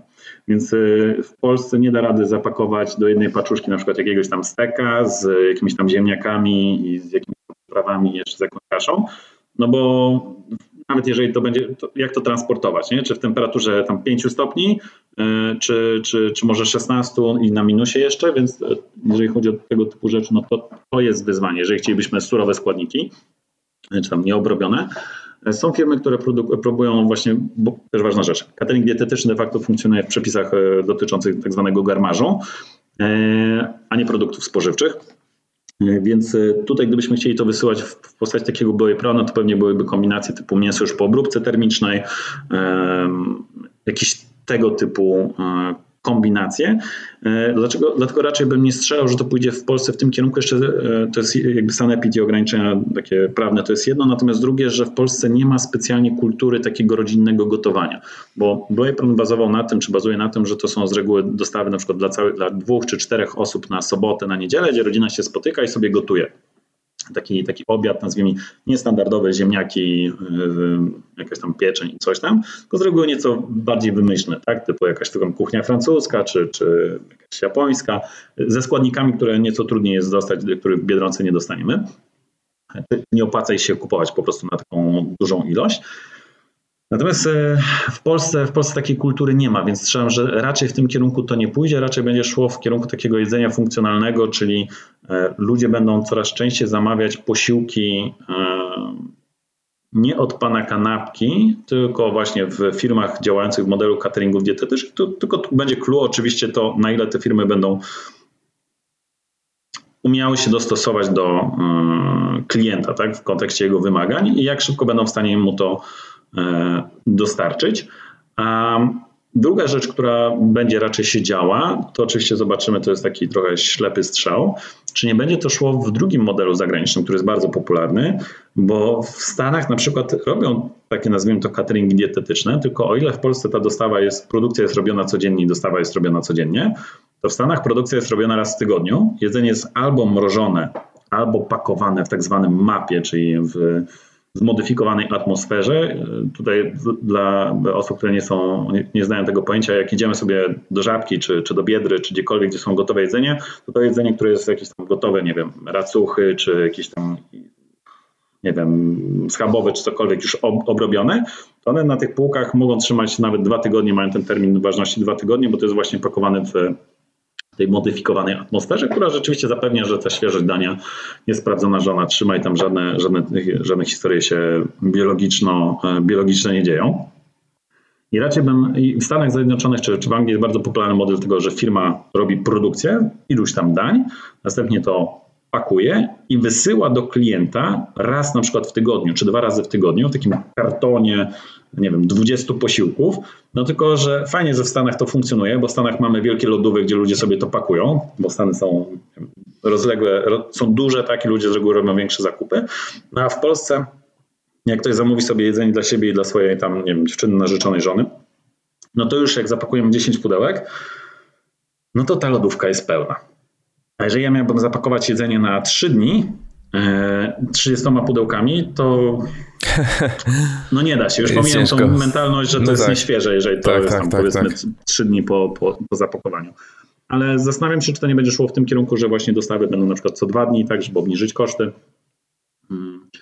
No i to jest gdzieś tam jakiś bet do sprawdzenia w, w najbliższych miesiącach, bo są pierwsze firmy, które, które to wprowadzają. No i zobaczymy po prostu, jak to będzie mm, im rosło, bo to jest zmiana nie tylko jakby koncepcyjna, ale też trochę e, produkcyjna, bo to jest nieco inny proces produkcji. Jasne. Chciałem się zapytać jeszcze o to, jak to wyglądało od twojej strony, jako foundera czy co-foundera, jak to życie wyglądało na początku. Też wspominałeś, że było, było czasami ciężko, albo przez długi czas było ciężko. Byś mógł, mógł trochę troszeczkę opowiedzieć o, o tym, co się działo w Twojej głowie i w swoim życiu, jak startowaliście z tym biznesem? Mm, ja to zawsze mówię, że to, że nam to wypaliło, to wynika tylko i wyłącznie z tego, że mieliśmy szczęście do osób, z którymi to zakładaliśmy. Bo e, kto normalnie, znaczy historycznie nie znam przykładu e, osoby, która założyła biznes z typem, z którym się po prostu zapiła pałę, tak? To, to, to, to jest pierwsze. I że, że później te dwie osoby jakimś cudem się dogadują przez 4 lata, czy tam 5 e, i, i, i prowadzą firmę. To jest jedna rzecz, czyli i, i mają jakby kompetencje, czy my, my z Waldkiem z charakterami jesteśmy, jak to każda osoba, którą gdzieś tam spotykamy, która nas magluje jakoś dłużej, mówi, że my się idealnie uzupełniamy, mamy e, jakby zazębienie różnych kompetencji, które się po prostu u nas bardzo fajnie mm, pojawia i za, zazębienie też charakteru, bo mamy różne charaktery. E, to jest jedna rzecz. E, druga rzecz, że fajnie, że, że jest nas dwóch, ale tak naprawdę nie byłoby całego tego naszego MVP, czy tych pierwszych sprzedaży, czy w ogóle z e, aplikacji, gdyby nie chłopacy, którzy zaczęli z nami tworzyć. I znowu, e, dwóch chłopaków znałem z IBM, gdzie wcześniej pracowaliśmy. Natomiast jeden Grzesiu, on był w ogóle z doskoku z ogłoszenia właśnie przysłowiowego OLX-a, gdzie nasza weryfikacja czy rekrutacja na tym etapie to też była taka, wysłał nam zadanko w dwie godziny, wydaje się spoko, bierzemy. Tyle. Dosłownie rekrutacja jeszcze, rok, jeszcze pół roku temu była na telefon. Każda rekrutacja u nas była na telefon. Jak się spoko gadało, to braliśmy. E, więc na tym wczesnym etapie tak naprawdę właśnie Waldek, Grzesiu, Misiek, e, Rafi e, i ja to raz, że to byli bardzo spoko ludzie, a dwa, i się dogadywaliśmy, bo u nas robota wyglądała w ten sposób, że przychodzi, jak już wypowiedziałem się za IBM-u, no to przychodziłem do biura na 7.30, e, jakieś tam śniadanko, później robota ze wszystkimi chłopakami, 14 wychodziliśmy sobie, bo mieliśmy wtedy biuro w Warszawie Kubowskiej koło stadionu, wychodziliśmy na makaron, kupowaliśmy browary, siedzieliśmy w robocie do godziny 23, 24 czy 1 w nocy i nie, wtedy to był, i to jest druga ważna rzecz, nie, że e, i to jest coś, co teraz gdzieś przenosimy też na, na resztę firmy. To jest ta magiczna kultura organizacyjna. Ja to mówię, że myśmy mieli wtedy, raz, że się dogadywaliśmy w kontekście tego, jakimi jesteśmy osobami poczucia humoru i mi to do życia, a dwa, dogadywaliśmy się w kulturze pracy. Czytaj, pracowaliśmy bardzo dużo, bardzo długo i nie było zmiłuj czy, czy marudzenia, więc cała nasza piątka gdzieś tam się była mocno zmobilizowana, żeby coś dowozić. I kolejne osoby, które też do nas dochodziły, które są z nami do dzisiaj, no to też gdzieś tam powiem, że złapały bakcyla tej e, kultury, kultury, nie chcę użyć wulgarnego słowa, natomiast kultury bardzo ciężkiej pracy. Jakby brały, brały też, jakby w, ta kultura przez nich przenikała i to było trochę taka, że to nie była tylko praca, nie wiem, ósma, szesnasta sayonara, tylko rzeczywiście się, się dużo pracowało, dowodziło się fajne rzeczy i to był taki trochę, czy do dzisiaj jest trochę taki mm, styl życia, nie? Bo u nas każda osoba, która Dobra, każda to pewnie też jest trochę przesady przy 50 osobach mówienia. E, natomiast większość osób trochę żyje tą firmą, czyli praca, nie wiem, są na pudełkach, e, rozmawiamy sobie, nawet jak się spotykamy gdzieś tam prywatnie, bo duża część osób u nas się spotyka też prywatnie, to trochę pogadamy o robocie, trochę o klientach, trochę o życiu.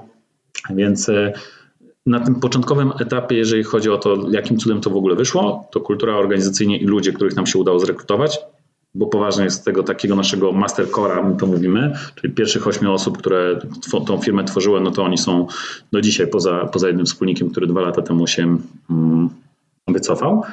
No to oni tworzą tą firmę i tworzyli ją przez bardzo długi czas, bo żeśmy się zaczęli skalować w zeszłym roku, ale gdyby nie oni, no to byłoby naprawdę to by nawet tego nie było, tak to. Nawet nie, że byłoby ciężko, tylko tego by nie było. Więc to jest jedna rzecz.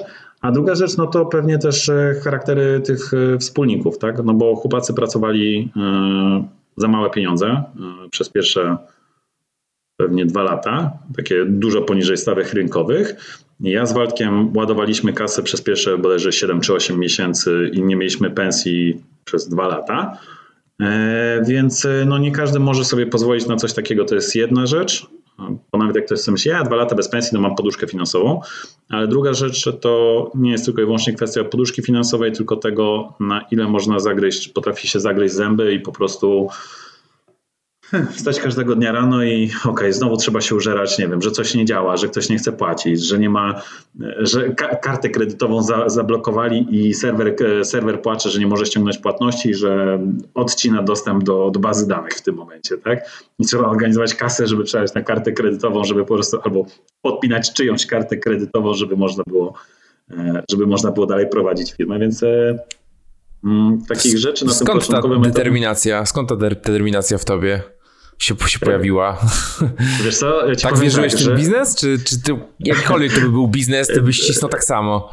Y, teraz to tak łatwo mówić, tak, wierzyłem do końca, że to na pewno wypali, nie? Ale to te, teraz łatwo mówić, ale w momencie, kiedy miało się, nie wiem, krechę na 50 koła, yy, gigantyczny bebzon, bo zero ruchu, tylko siedziało się na telefonach i zero życia towarzyskiego, no to raczej było coś takiego, no, znaczy tak z perspektywy czasu, no na pewno było coś takiego, że no nie, teraz to się głupio wycofać, bo już tylko tyle brakuje. Tak dosłownie witamy się, witamy się z...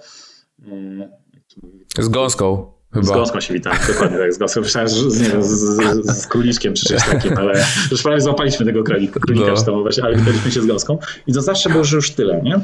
E, no i strzelam, że na tym etapie, gdzie rzeczywiście mieliśmy tej break-even, gdyby on był przesunięty o kolejne pół roku, to byłaby szansa, że to by się po prostu rozsypało, ale to było tak just in time, po prostu w momencie, kiedy musieliśmy zrobić wynik na plus, no to był ten wynik do plus.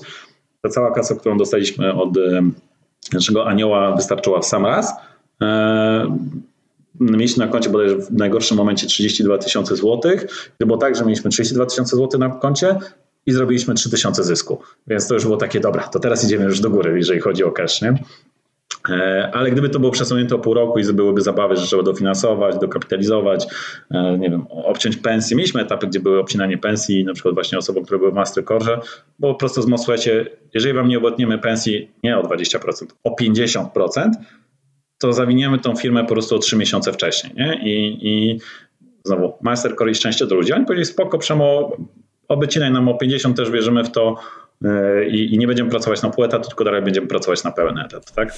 Okej, okay, a e, jakie było, dlaczego oni tak szli za tym? No bo rozumiem, okej, okay, udziałowcy no, mają udziały, tak, które, których wartość rośnie e, i chcemy dowieść po prostu tą, tą firmę do jakichś większych wyników, a jak działali ci, ci, ci pierwsi pracownicy? Bo zakładam, że oni nie mieli udziałów, tak? Ewentualnie jakiś nie, właśnie ESOP-ów, ESOP-ów żadnych z tego typu rzeczy nie robiliśmy. Dlaczego oni to ciągnęli? Czyli za to tobą szli, ty, ty jakby budowałeś tą wizję, mówiłeś, a słuchajcie, to jest coś większego niż my.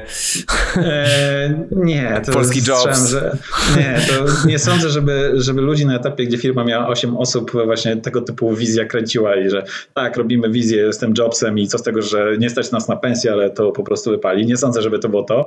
Raczej wydaje mi się, że e, po prostu spoko się mm, pracowało e, i ta kultura inaczej, kultura pracy, e, to co robiliśmy było na tyle spoko, że mimo tego, że było ciężko momentami, to oni dochodzili do wniosku, ok, zagryziemy zęby i, i za pół roku, czy tam za parę miesięcy będzie lepiej i to ma jakąś tam perspektywę rozwoju, tak? I wszystkie osoby, które z nami zaczynały właśnie te 4 lata temu, no to teraz e, już pomijam, że, że robią zupełnie inne rzeczy niż zaczynali, bo jedna osoba u nas zaczynała jak, jakiś tam junior po, po bootcampie, a teraz jest jakimś tam leadem. Tak? Inna dziewczyna zaczynała na obsłudze klienta, teraz jest e, w marketingu. Chłopak, który u nas zaczynał od sprzedaży na zagranicę, w tym momencie jest headem sprzedaży. Także e, firma się rozwinęła i też oni się rozwinęli i przeszli przez te etapy, nazwijmy to od mikrofirmy, do mikroprzedsiębiorstwa do jakiejś tam powiedzmy średniej firmy. No więc dla nich strzelam, że też to było doświadczenie e, ciekawe. No i druga rzecz, że to był styl życia, a nie taka praca ósma, szesnasta, dziękuję, sayonara, tylko rzeczywiście gdzieś tam osobiście spędzaliśmy bardzo dużo czasu wspólnie. Mm. I to był po prostu fajny sposób pracy, czy nawet nie pracy stylu życia, bo może też płaciliśmy całkiem, całkiem ok, nie wiem, ale było fajnie. E, ale myślę, myślę, że tutaj miało też to znaczenie, że faktycznie tak jak mówisz, nie? że była, że przychodziliście tylko biura, jeszcze dobre mieliście kontakty e, takie, wiesz, interpersonalne, e, sobie gadaliście, sobie piliście to piwko po godzinach i tak dalej, budowaliście coś razem. Wydaje mi się, że jeżeli to było zrobione zdalnie, nie, to nie udałoby się tego, tej dynamiki tak. utrzymać. To ja ci powiem tak. Myśmy biuro mieli przez pierwsze e, Okej, okay, najpierw mieliśmy kilka miesięcy, później jak się okazało, że to jest 2,5 tysiąca miesięcznie, to stwierdziliśmy, dobra, koniec z biurem, bo nie mamy na to kasy. Później chwilę pracowaliśmy, tam były etapy, wiesz, e, tak a propos jeszcze takich ciężkich czasów, no człowiek sobie nie wypłaca pensji i przycina na wszystkim, na czym da się przy, przyciąć, już pomijawszy nie wiem, rzeczy związane z biurem, no to mi się zdarzyło osobiście nocować w biurze przez dwa tygodnie. Ze śpiworkiem. E, mieliśmy wtedy biuro od naszego anioła biznesu, ale to było szkoda kasy nawet na jakiś hotel, hotel hostel za e, tam nie wiem, 40 czy 50 zł za dobę, bo i tak można było się kimać w biuro, bo widoczek, bo cieplutko, bo pani sprzątają codziennie. codziennie. Natomiast myśmy, jak epidemia przyszła, no to myśmy byli gotowi na pracę zdalną, bo tak naprawdę większość naszej firmy pracuje zdalnie. I nawet zdalnie nam się udało tą utrzymać komunikację. Może też dlatego, że inaczej, ten core w większości długo pracował ze sobą w biurze, czyli powiedzmy tam pięciu programistów.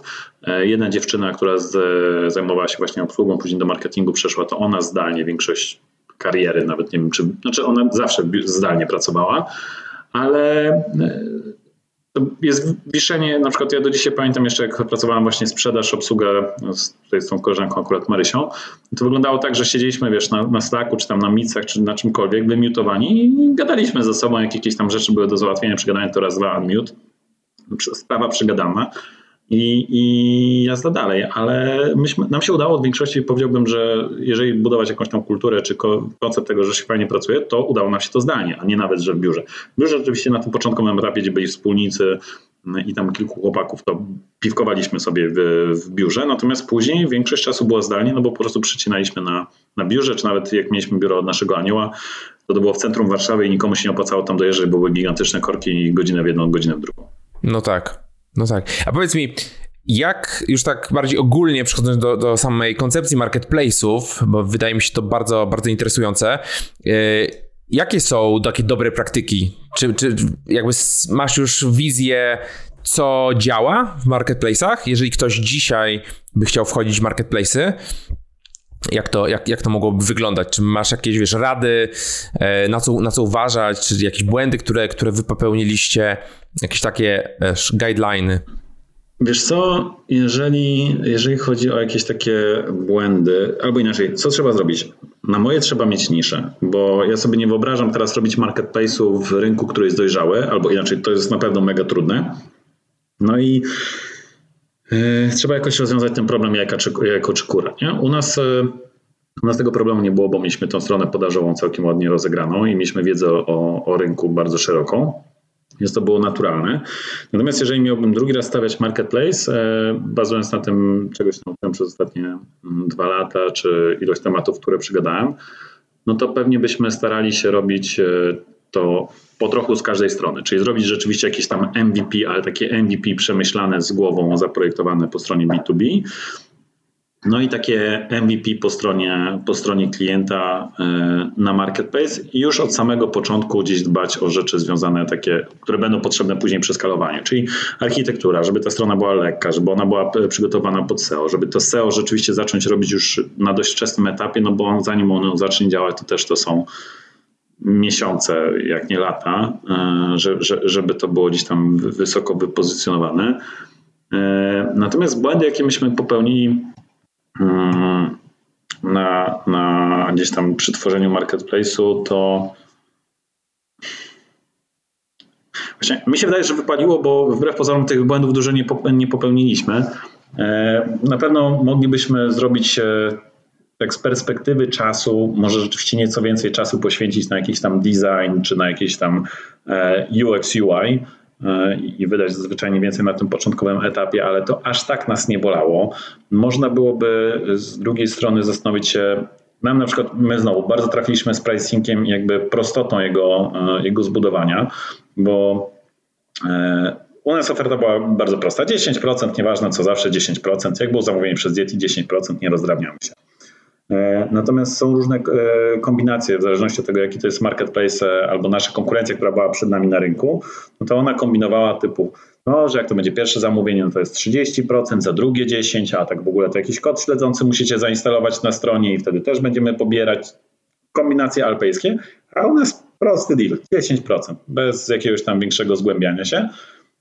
I też bardzo proste, jakby transparentne zasady tego, kto jest u góry, kto jest na dole, na jakiej zasadzie to działa, bo to jest dostępne u nas na każdego. My to zrobiliśmy dobrze i wydaje mi się, że to był strzał. Być może można było startować z nieco wyższego take rate'u, typu takie właśnie pyszne w okolicach 12 czy, czy pod 15 nawet procent. No ale to znowu, e, to jest nisza, na razie dostarczamy tylko i wyłącznie zamówienia. Pewnie stopniowo, jak będziemy dodawać jakieś horyzontalne czy, czy wertykalne sprawy, no to będzie można podnieść tej gry, no ale to wynika z tego, że będą to po prostu dodatkowe e, dodatkowe usługi. No i patrząc też znowu na konkurencję, której się gdzieś tam kompletnie nie udało, no to palenie hajsu po prostu na performance marketing bez jakichś tam solidnych podstaw. A co rozumiesz przez performance marketing? Bo dla CPC, e, w, e, w, sensie Facebook, Google Ads. E, płatne reklamy po prostu, tak? Tak, płatne reklamy, w sensie nie mamy jakiejś tam bazy, tylko walimy płatne reklamy.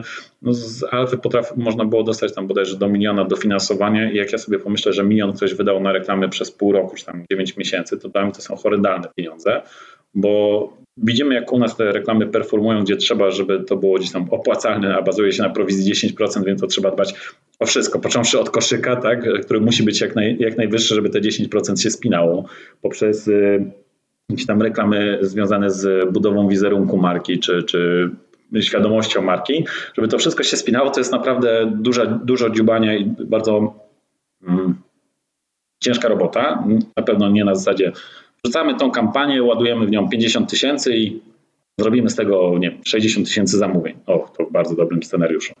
E, więc e, strzelam, że jakaś jeszcze taka zła praktyka, no to, że załatwi się wszystko płatnymi reklamami. Tak nie jest. Jest masa rzeczy dużo ważniejszych, typu właśnie jakieś referale, typu marketing szeptany, typu e, właśnie PR, tak, czyli te targi, o których wspomniałem, takie bardziej, akurat tutaj bardziej B2B niż B2C, czy, czy masa takiej pracy nad produktem, tak? którą, którą u nas właśnie mm, Waldek bardzo ogarnia, czyli związaną z analityką, z designem, z badaniami z użytkownikami. To oczywiście też łatwo mówić w momencie, kiedy ma się kasę, tak? bo myśmy mieli e, stałe źródełko przychodu związane z SAS-em SAS-em co miesiąc, więc ten marketplace to nie był budowany na co miesiąc nas po prostu kosztuje kupę kasy, tylko to było robione na tej zasadzie, mamy kasę, teraz ją zainwestujemy sobie po prostu w marketplace, bez konieczności spowiadania się, dlaczego to przynosi co miesiąc minus 100 tysięcy złotych, tak?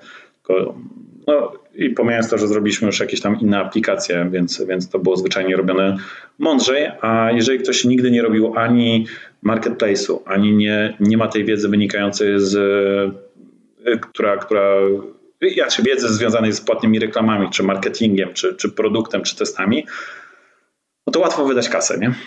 Więc e, dużo, bardzo dużo zmiennych, natomiast sprowadziłbym to do tego, że zły pricing, e, palenie kasy na, na płatne reklamy i bardzo e, ogólnie, czy źle potraktowana praca, praca nad produktem jako takim. Mam tu na myśli wszystko, począwszy od mierzenia, analityki testów czy badań. Okej, okay, okej, okay. czyli mamy, to, mamy tą, tą jedną stronę, czyli ten marketplace. Druga rzecz, o której powiedziałeś, to jest, to jest nisza. Nie? Bardzo często się to podkreśla, że no, trzeba targetować te nisze, bo inaczej, inaczej no, no, nie da się zrobić tak naprawdę dużego biznesu, a niszę zawsze można rozszerzyć. E, jak badać taką niszę, w ogóle patrzeć, czy, czy ona ma potencjał i jak ją, e, nie wiem, analizować, co byś dzisiaj zrobił, jakbyś na przykład szukał jakiejś nowej niszy albo wchodził w jakąś nową niszę? To powiem na przykładzie tego, co nam nie wypaliło, bo myśmy na etapie, jak tworzyliśmy sobie tego naszego SASa, oczywiście na etapie każdego startupu, który tworzy SASa, to się myśli, kurde, zagranica, trzeba się otworzyć na zagranicę, bo wtedy to będzie biznes skalowalny. I o ile rynek polski mieliśmy całkiem dobrze rozpykany, bo to się sprowadzało do dzwonienia do tych firm, spotykania się z nimi, rozmawiania i rzeczywiście mieliśmy dość dobre czucie, to za granicą daliśmy ciała wybitnie, bo e, po pierwsze, mm, okej, okay, Podzwoniliśmy po firmach w Anglii, podzwoniliśmy po firmach w Rosji, e, dowiedzieliśmy się, czy ten model biznesowy jest bardzo podobny i zrobiliśmy jakieś tam też ciężko, ciężko akurat naszej niszy, bo przynajmniej nasza nisza ma to do siebie, że jeszcze parę lat temu bardzo, ona była bardzo nieinternetowa. Czyli nieinternetowa mam na myśli, że mieli jakąś tam podstawową stronę internetową, ale na przykład tą stronę było bardzo ciężko znaleźć w Google, tak? Że z reguły ich biznes opierał się na Facebooku, typu nie wiem, Fitboxy Moskwa, albo Fitboxy London, albo jakieś tego typu nazwy. Więc pierwsza rzecz, którą daliśmy ciała, to myśmy nie doszacowali albo przeszacowali e, liczbę podmiotów na rynku. Zarówno w Anglii, jak i e, w Anglii, w Czechach, w, w Niemczech. E, to jest jedna rzecz, którą żeśmy nie doszacowali, jakby przeszacowali. Druga rzecz, którą żeśmy przeszacowali, to nam wychodziło na etapie sprzedaży na Rosję, bo Rosja jest bardzo dużym rynkiem, jeżeli chodzi o die catering dietetyczny w kontekście modelu, jakim działa ten catering dietetyczny, czyli dostawa na tydzień, codziennie dostawa itd. itd to w Rosji na przykład spotkaliśmy się, e, fajnie, że tam jest rynek i fajnie, że mamy sprzedawcę na rynek rosyjski, ale spotkaliśmy się z wyzwaniami typu e, ograniczenia na przykład związane z sankcjami nałożonymi na Rosję, z płatnościami, z udostępnianiem danych, tak, z podpisywaniem tych umów, z, z płatnościami z firm rosyjskich do Polski. I e, no, kosztowało nas to koniec końców niedrogo, tak, bo pensja jednej osoby przez 4 czy 5 miesięcy, ale jak sobie w modelach finansowych zakładamy, że tam jest 300 firm, co było powiedzmy tam prawdą, mm, i że my na pewno będziemy robić jakąś tam sprzedaż bez zgłębienia właśnie rzeczy związanych z płatnościami, czy w ogóle nawet głupotami przy internacjonalizacji CRM-a typu cyrylica, tak, i że niektóre rzeczy się nie mieszczą we frontowych rzeczach y, napisanych cyrylicą, czy jest inne w ogóle bazy składników, tak, tego typu rzeczy, no to się nagle okazało, że to się w ogóle nie spina, żeby to robić, żeby było odpuścić i yy, tak jak na przykład w Stanach, bo Stany też są takim rynkiem, czy Australia, okazało się po głębszym zgłębieniu sprawy, że tam jednak ten model wysyłki raz w tygodniu jest w 90%, albo 90% firm działa w modelu wysyłki raz na tydzień, czy raz na dwa dni, a nie, nie codziennej. To też wyszło powiedzmy w ostatnim możliwym momencie, zanim się to uwzględniło gdzieś tam w planach pod pod Excel. Tak? Do dzisiaj tak trochę się śmiejemy z panem Tadeuszem, jak się spotykamy, a panowie jak tam za granicę, nie? Bo to było pierwsze, to było pytanie, które słyszeliśmy co dwa tygodnie na, na jakimś tam spotkaniu, a jak tam za granicę, nie? Bo na wszystkich naszych modelach, że tak, za granicę będziemy sprzedawać jak szaleni, a później się okazało, że e, po pierwsze dużo więcej problemów w Polsce niż się spodziewaliśmy, po, e, a po drugie rzeczywiście ta zagranica niekoniecznie działała tak jak powinna. Do dzisiaj mamy klientów w Anglii, w Czechach, w, nie wiem, w Szwajcarii, czy Rosji, czy, czy w Niemczech, ale to nie jest e, nawet w jednej czwartej taki rynek jak w Polsce, bo Polska jest rzeczywiście ewenementem, głównie związane z tym, że one są dostawy codziennie i ta logistyka jakoś się na, ty, na plecach tych cateringów rozwinęła. E, więc to jeżeli chodzi o takie to, to, to, to, czyli co, w ogóle porzuca, porzucacie temat e, glo, globalizacji tak. tego biznesu? Mm, Czy może... Na razie, nie, wiesz co, na razie, na razie wolimy iść w rzeczy związane, albo inaczej, dobrze nam na tym rynku polskim, on dalej będzie rósł i, i, czujemy, że tutaj jest potencjał, to jest jedna rzecz. Druga rzecz, że za granicą nie sądzimy, że mm, na, jakby nasz model za granicą się sprawdzi, chyba że jakimś magicznym cudem zacznie się popularyzować na przykład w Holandii, gdzie, gdzie mamy kilku klientów, którzy bardzo mocno rosną. Raczej e, skupiamy się na rynku polskim i raczej skupiamy się na, będziemy się skupiać na usługach dodatkowych, które będziemy rozwijać w ramach naszego ekosystemu.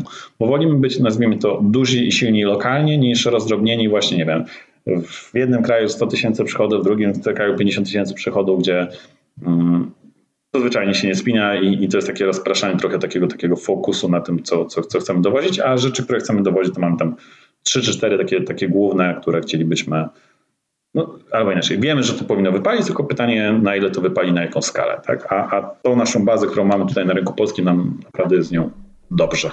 Tak, no tak, no to zależy też właśnie od, od, tej, od tej niszy, od tych klientów, nie? Wy targetujecie takie tradycyjne biznesy, branża gastronomiczna.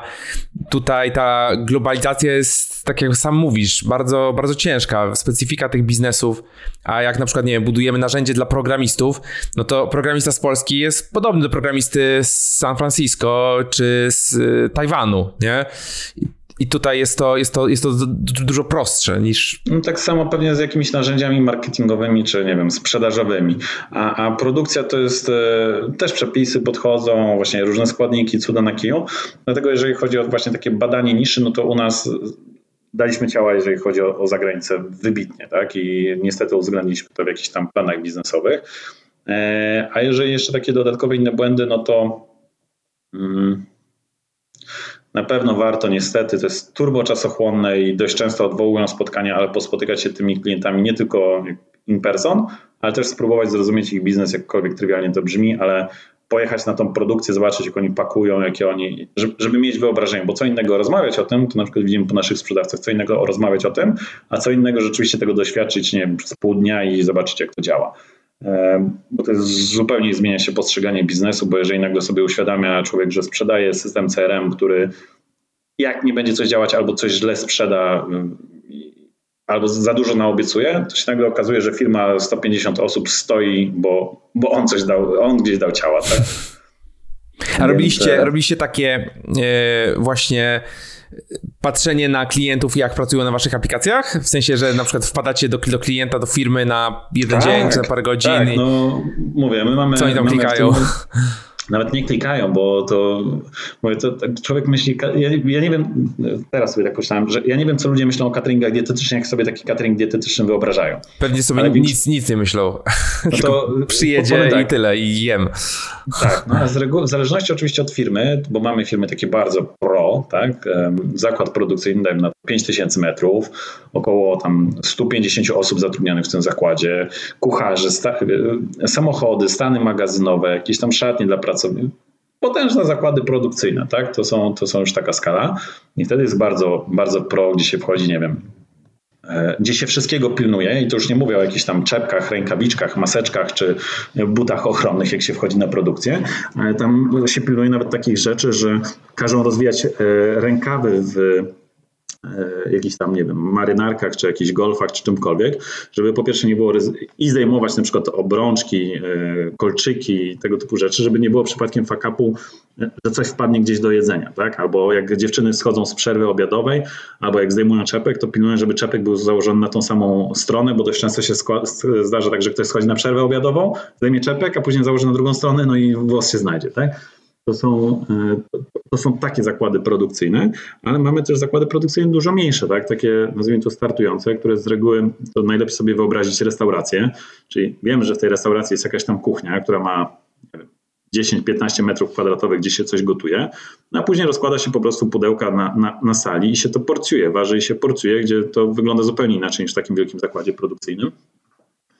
E, tak, no myśmy spośród, ja osobiście pewnie byłem na około 80, 80 różnych zakładach produkcyjnych w całej Polsce, począwszy właśnie od takich e, małych cateringów, poprzez dużych i począwszy od takich super, że widać, że ludzie robią to mądrze i z głową i z dbaniem o wszystko, poprzez takich, gdzie po prostu że ludzie się nie wstydzili tego pokazywać, to ja nie wiem, tak? Bo, bo czasami są też takie cateringi, dlatego my na przykład te cateringi też weryfikujemy, w jaki sposób one funkcjonują, bo dość często to było, teraz już tego nie ma, ale jeszcze powiedzmy 3-4 lata temu, no było takie januszowanie, tak, że ktoś se zrobi, zapakuje, nie wiem, u góry gdzieś tam tynk odpada, on robi catering dietetyczny. Fakt, że robi mikroskalę i jest Januszem biznesu, no ale były takie przykładki, gdzie po prostu chcieli sobie dość często jeszcze na czarno dorobić bez w ogóle jakichś zgód sanepidów. To na szczęście się skończyło, e, bo zaczęły się bardzo silne kontrole mniej więcej 2,5 roku temu, 3 i, i te firmy poupadały, ale takie widziałem, nazwijmy to od sasa do lasa różnego typu i też widziałem, jak, z jakimi problemami się tworzą, bo to nie jest tak, że na zakładach produkcyjnych każdy ma tableta czy, czy laptopa i sobie przegląda, tylko z reguły jest osobno dział obsługi klienta, osobno dział marketingu, osobno dział e, dietetyki, czy osobno dział produkcji, magazynierów, logistyki, także e, to jest z reguły przynajmniej w takiej średniej firmie, to jest przynajmniej kilkanaście, kilkanaście osób z różnymi dostępami, korzystającymi z różnych raportów. No i żeby sobie wyobrazić, jak to działa, no to rzeczywiście trzeba pojechać, trzeba wydrukować, znaczy trzeba zobaczyć, jak, z jakich raportów oni korzystają, tak? I to są dość często jakieś takie problemy, z którymi człowiek nie zdawał sobie sprawy, typu, no fajnie, że można sobie wygenerować z naszego systemu CRM Excela, ale oni na przykład nie potrafią filtrować tego Excela, tak? Więc e, to są, no i że chcieliby wszystko w masterze robić, więc e, są, to są tego typu problemy, a rzeczywiście widzę to na, na produkcjach, czy to jakby pozwala wyobrazić sobie, jak ta nisza funkcjonuje, czy, czy dana na produkcja. Natomiast e, przede wszystkim pozwala nawiązać gdzieś tam lepszą relację z tym cateringiem, no bo jeżeli ja jadę na produkcję, a widziałem 80 innych zakładów, to im od razu powiem, słuchajcie, to to tak trochę słabo macie rozwiązane, a to można byłoby zrobić lepiej, a to macie na przykład super, nie? Jest to też mi, rynku. A powiedz mi, co byś radził? Jak miałbyś rady dla takich początkujących founderów? Jesteś już po tym całym okresie e, jedzenia gruzu i widać twoją ogromną determinację e, i wydaje mi się, to jednym z czynników twojego sukcesu, że za cokolwiek byś się nie wziął, to pewnie by e, jakoś dało radę. Jakie miałbyś rady dla, dla tych wannabe founderów albo ludzi, którzy są gdzieś tam na początku? Na początku swojej drogi? Wannabe funderów. E, pewnie dla wannabe funderów e, bym doradzał naprawdę znaleźć sobie wspólników i to pewnie jednego to takie minimum i to takiego jednego super wspólnika. My mamy pięciu, i bez tych pięciu, znaczy sumarycznie nas jest pięciu, i bez tych pięciu pewnie byśmy w życiu nie dali rady na tym początkowym etapie. Gdzieś jak nam się słucha różnych podcastów, czy czyta różne artykuły, to tak właśnie do pięciu to jest jeszcze optymalnie, jak jest więcej, to już jest za dużo, jak jest jeden, to z reguły ciężko, no bo jeden founder tego nigdy nie pociągnie, albo jest to ciężko pociągnąć. Mm, to jest jedna rzecz, którą bym zrobił. Drugą rzecz, którą bym zrobił dla początkujących, to sobie po pierwsze, trzeba znaleźć wspólników, które są, pomijając to, że są specjalistami, to są też spoko ludźmi, takimi, z którymi ja to mówię, że Waldek jest moją drugą żoną, e, bo niestety tyle czasu się, e, znaczy niestety, niestety, się cieszę, ale tyle czasu się, tyle czasu się spędza wspólnie rozmawiając, gadając, telefonując o różnych bardzo dziwnych porach przekładając różne problemy, nie, nie tylko firmowe. Mm, ale doradziłbym też, żeby sobie na początku nawet dogadać jakąś, e, jeżeli się dogadujemy jako wspólnicy, to dogadać sobie jakąś umowę właśnie taką, nazwijmy to wspólników, nie na pałę, że tak się dzielimy, ale dodać na przykład właśnie vesting, tak? czy jakiś reverse vesting, nawet idąc po, po całości. Się z góry dogadać sobie takie kwestie, na przykład u nas e, właśnie ten misiek się wycofał, ale dogadać się, że nie, że ktoś rzuca robotę z dnia na dzień, tylko tak jak u nas e, komunikuje na przykład pół roku wcześniej, chłopaki, za pół roku będę chciał zmienić robotę, e, Tutaj chcę znaleźć osobę na swoje miejsce, przygotuję ją, zrekrutuję, a nie, że zostawię kogoś z ręką w nocniku. Nie? A u nas Misiek rzeczywiście jak pół roku, jak nie wcześniej dał znać, że, że będzie odchodził, a później do dzisiaj jest gdzieś tam powiedzmy w tym ekosystemie e, ludzi związanych z firmą wciągnięty. Więc e, to jest druga rzecz, czyli mm, pewnie ustalić sobie właśnie takie rzeczy, nie, nie nawet nie na papierze, na początku pewnie tylko dogadać tak na gębę, jak by miało takie właśnie ciężkie rzeczy wyglądać, i trzecia poduszka finansowa, pewnie tak, bo ja miałem odłożone oszczędności, ale wszystkie przepaliłem. Natomiast e, też sobie pewnie określić, kiedy mówimy sobie stop. I ja powiedzmy to bootstrapowałem od początku, teraz pewnie jakbym drugi raz miał próbować, to zastanawiam się, czy nie byłoby mi łatwiej, czy weselej zrobić to za czyjąś kasę, a nie za swoją, e, bo wtedy jest trochę też inne podejście, no i jeżeli ktoś chce, mówię, ja spłaciłem swoje długi z półtora roku temu, czy, czy trochę, trochę, trochę dalej, ale nie polecam tego doświadczenia, tak jak zakładanie firmy, więc e, na pewno można to mm, mądrzej zrobić, czy to na początku właśnie trzeba takie MVP stworzyć, zweryfikować ten model biznesowy samodzielnie, bo to na pewno będzie nam dużo bardziej zależeć i będziemy dużo bardziej zmotywowani niż gdybyśmy to robili za czyjąś kasę. A jak zweryfikujemy, zrobimy jakąś tam wartość, będziemy mieli jakąś tam trakcję, no to dopiero wtedy odzywać się do funduszy, bo to też będzie zupełnie inna rozmowa. Nie? To są chyba takie główne rzeczy, które bym polecił, które z doświadczenia najlepiej które u nas nie wszystkie były od samego początku ustalone, natomiast suma summarum bardzo dobrze się sprawdziły. A miałeś takie momenty, że chciałeś to gdzieś tam wrzucić? Już, Też, dobra, ile koniec. Razy, to, ile razy? Znaczy, to, to, nawet nie policzę, ale wiesz, to, to, nawet były takie momenty, że nie wiem, system nie działa, no ty jesteś prezesem i do ciebie, ty im to sprzedałeś i oni do ciebie dzwonią z aferą, że nie wiem, nie dostarczyli 50 paczek. No i co, co powiesz teraz? Tych 50, 50 klientów chce zwrot kasy za całe zamówienia, a jeżeli to całe zamówienie, no to liczmy nawet w uproszczeniu, to jest około 5 tysięcy złotych, tak? No to co 5 tysięcy złotych oddasz e, cateringowi, bo program, który mu sprzedałeś dał ciała, no i co z tego, że nie wiem, programiści gdzieś tam się walnęli, ale jeszcze nie mieliśmy wtedy testera, no i teoretycznie, nie wiem, ty testowałeś albo powiedziałeś, że przetestowałeś, a nie przetestowałeś, tak? No testy na prodzie zawsze w modzie, ale tutaj się przecież nie wysypie. Mm.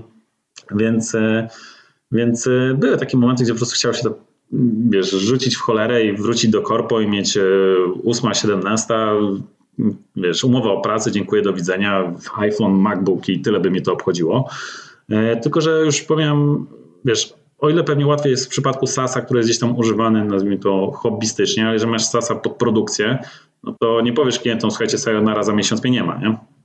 Więc i, i, i, no, to jest, była na pewno jakaś tam blokada. Gdybyśmy pewnie robili jakiegoś CRM-a, nie wiem, do sprzedaży albo e, nie wiem, marketingowe narzędzia, czy, czy coś prostego, bez czego ludzie mogą żyć, pewnie by się to posypało. Ale w momencie, kiedy masz nie tylko ludzi, z, którymi tworzysz firmę, ale też ludzi, którzy na tej firmie polegają, to nie jest już takie hop więc... E, ale tutaj tak, możesz zdominować niszę. Tak? Tak, tak. Więc e, wiesz, było takich momentów trudnych sporo. Pewnie też fajnie było, my zawsze mieliśmy w firmie świra, że chcemy zarabiać pieniądze jako firma, nie? A, nie, a nie być ciągle na stracie. Więc jedną, jednym z czynników tutaj, dla których byliśmy dość szybko na plusie było to, że sobie z walkiem nie wypłacaliśmy kasy bardzo długo. A jak zaczęliśmy sobie wypłacać, to moja pierwsza wypłata to było 1000, bodajże po dwóch miesiącach to było 5000 zł miesięcznie. E, żeby, żeby firma po prostu była rentowna i na takim, nazwijmy to, fajnej ebidzie, E, na papierze, tak? bo formalnie no to była, był, jakby nieformalnie to były czasy jeszcze ludzi dodatkowych, którzy, którzy nie mieli tej pensji. E, natomiast pewnie też bym sobie jakoś tam wcześniej wypłacał pensję i raczej miał w dupie to, że, przepraszam, ale nie obchodziłoby mnie to, że jest słabszy wynik firmy, ale że rzeczywiście e, jestem w stanie się utrzymać, sobie pozwolić, nie wiem, na wyjście ze znajomymi na obiad na miasto, a nie, że kurde, jak wydam dzisiaj 120 zł, no to będzie krucho na koniec miesiąca i będę musiał sobie robić wypłatę pensji na przykład tydzień wcześniej, tak, bo takie akcje też. E, ale rzeczywiście nisza, zdominowanie jest to e, w przypadku niszy, tak, no to i takiego CRM-a, no to mm, jeżeli ktoś ma jakąś taką niszę, mówię, myśmy na początku było 150 firm w całej Polsce. Jeżeli ktoś ma podobną, podobną niszę gdzieś swoją znalezioną, która rzeczywiście e, przerzuci ludzi z Exceli, z karteczek, czy z jakichś WooCommerce'ów, czy Magento, czy innych tego typu rzeczy na narzędzie, które ktoś stworzył w postaci SASa, no to polecam wziąć sobie pod uwagę kilka mądrych osób, które przeszły tą ścieżkę i tak się pewnie popełni większość tych błędów, bo mi się też wydawało, że znam wszystkie możliwe błędy, jak gdzieś tam przesłałem sobie w 2016 sporo książek czy startupów, a i takie popełniłem, więc jak się weźmie pod uwagę, pewnie, pewnie, pewnie będzie spokojniej i mądrzej niż e, na pałę. Nie? Tak. Znaczy na pewno takim dużym plusem tych y, aplikacji must have, tak, te, które muszą działać, y, nie takie nice to have typu jakiś, y, wiesz, to-do lista, jest, jest to, że klienci zostają, jak już wejdą, to zostają na dłużej, nie? Zostają, ten lifetime value tak zwane jest, jest bardzo długie, nie? Wtedy jest takie pojęcie klucz, które też bardzo dość często używamy w jakichś rozmowach, takie defensibility, nie? Czyli jeżeli ktoś wejdzie, to po pierwsze przerzucić się mu na inny system jest turbo ciężko, bo to znowu to nie jest przerzucenie się tak jak z to listy na to listę, tak? Czy tam nie wiem, z czegoś, tylko to jest bardziej takie przerzucenie na przykład z Confluence'a na Notion, czy w ogóle cały system sprzedażowy, jak ktoś ma poukładane procesy w systemie jakimś tam sprzedażowym, miałby się przerzucać na coś innego, to boli. A dorzućmy sobie do tego jeszcze, że, nie, że ludzie, którzy korzystają z tego CRM-a nie są jakimiś tam asami przestworzy, tylko to są ludzie z gastronomii pracujący na produkcji, to jest jedno wyzwanie. No i No i ci klienci rzeczywiście zostają, tak? I u nas na przykład czerny, jeżeli jest, to ten czern jest e, w 99% związany z tym, że firma po prostu upada i się zamyka, a nie, że a jeżeli odchodzą, no to z reguły na jakieś tam własne rozwiązanie, bo, bo coś tam, bo mieli taką wizję stworzenia własnego rozwiązania i, i później z reguły wracają. Więc u nas e, to, to jest fajne, jeżeli tworzy się taki bardzo, bardzo must have i, i, zwłaszcza dla niszy i no i nie ma się wyboru, jeżeli się już podpisze umowę. Nie? I nas rzeczywiście koszt pozyskania klienta i te lifetime value są bardzo spoko. Jeżeli tak już zbliżając się, zbliżając się ku końcowi, chciałbym e, trochę zmienić temat na te twoje podróżnicze e, eskapady, tak? Jesteś, jesteś podróżnikiem, czy byłeś e, przez, przez, przez wiele lat. Już chciałbym to tak trochę w skrócie, bo też na pewno dzieliłeś się, dzieliłeś się tym tematem w wielu, w wielu miejscach. Pewnie można, można posłuchać bardziej, bardziej rozwiniętej historii. E, też nie chcę, nie chcę, żeby nasi słuchacze już, już e, siedzieli tutaj trzy godziny z tym podcastem, ale niemniej jednak chcę, chcę ten temat poruszyć, bo też te podróże są mi, mi bliskie. E, I jakbyś mógł tak w skrócie powiedzieć, jak ta twoja podróżnicza przygoda wyglądała i e, czy, czy, masz jakieś ulubione miejsca, do których chciałbyś, chciałbyś wrócić, poza, poza Gdańskiem oczywiście, w którym, w którym jesteś e, I, i czy miałeś jakieś ciekawe przygody, czy masz jakąś, jakąś jedną, jedną czy dwie przygody, które ci tak utkwiły w pamięci? To powiem tak, podróże, z przy, przy, przygody z podróżowaniem zaczęły się od tego, że po maturze pojechałem pierwszy raz na stopa i pojechałem na stopa, bo zwyczajnie nie chciałem wydać dużo kasy, była jakaś taka zajawka, że pojadę na stopa na południe Europy. 19 lat każdy przychodzi ten etap, gdzie chce sobie pojechać na stopa i być zdanym sam na siebie. I to było pierwsze. I później tak naprawdę przez całą licencję, jak zdawałem sesję, no to śmigałem sobie po Europie na stopa. Ale takie podróże, podróże, bo to do 2000, do, do pierwszego wyjazdu jakiegoś tam tam dalej, to można po prostu autostopowe wakacje. A później coś zaczęło takie, to mówię, podróżowanie trochę bardziej na wypasie, bo raz, że założyłem bloga podróżniczego, dwa, że zacząłem jeździć do krajów, gdzie już trzeba było wyrabiać wizy, gdzie, gdzie w 2000, typu taka pierwsza moja podróż pro-pro, no to była na stopa przez Ukrainę, Krym jeszcze wtedy nie zaanektowany e, na, na Kaukaz i, e, i, i, i, do Iranu, przez miesiąc w Iranie, a później z powrotem przez e, Kurdystan, Turcję do domu. I, a druga podróż na przykład z Gdańska przez Nową Rosję, jakieś tam Kazachstany, Tadżykistany, Chiny, Laosy, Birmy, do, chciałem dojechać do Indii, ale mi cofnęli na granicy e, birmańsko-indyjskiej. E, I trzecia podróż e, na stopa z Gdańska, na, przeszedłem Camino, później jachtostopem na Kanary, z Kanarów jachtostopem przez Atlantyk na Karaiby, później Środkowa Ameryka i cała, cała południowa. E, tylko, że jak zacząłem prowadzić bloga, to ja sobie tak mówię, że podróżować każdy może. Ja sobie stwierdziłem, że jeszcze zacznę robić tak, nazywam to projekty podróżnicze. Pierwszy projekt, e, czyli że podróżuję, ale poza tym, że sobie jadę z miejsca na miejsce i zwiedzam i coś tam robię, to staram się robić coś więcej. Pierwszy taki fajny projekt mi wyszedł e, Miło Szczęście Marzenia, gdzie w drodze do Iranu, bo tam się że przejeżdża prawosławne, protest, prawosławne, katolickie, muzułmańskie rejony, zróżnicowane bardzo historycznie i kulturowo. Tam ludzi spotkałem na drodze o ich definicjach miłości, szczęścia i marzeń. Później robiłem prezentacje. E, dużo ludzi zaczęło też czytać wtedy bloga, więc jakieś tam kolosy, nie kolosy, nagrody podróżnicze. A później taki fajny projekt, który mi wyszedł, to e, pocztówki, nazywam to pocztówki z Europy. Poprosiłem ludzi, którzy e, mieszkają w, Polsce i czytają mojego bloga, żeby wysłali mi pocztówkę z miejsca, gdzie mieszkają. Zapakowałem je do plecaka. Tych pocztówek było tam 720 i jak jechałem właśnie do tej Birmy, czyli gdzieś tam przez Rosję, Kazachstany, Chiny itp. itd., to mm, z wolontariuszami w domach dziecka się spotykałem. Tłumaczyliśmy sobie z dzieciakami pocztówki z angielskiego na języki lokalne. Dzieciaki odpisywały po angielsku i wysyłaliśmy te pocztówki z powrotem do nadawców i ci nadawcy odpisywali. Tam się mega sporo takich fajnych więzi porobiło, bo jak ktoś dostał na przykład odpowiedź od dzieciaków gdzieś z Birmy, no to wysyłał do nich na przykład, nie wiem, paczkę w ogóle tylko 20 kilo z e, podręcznikami do nauki angielskiego, z jakimiś tam kredkami, plecakami.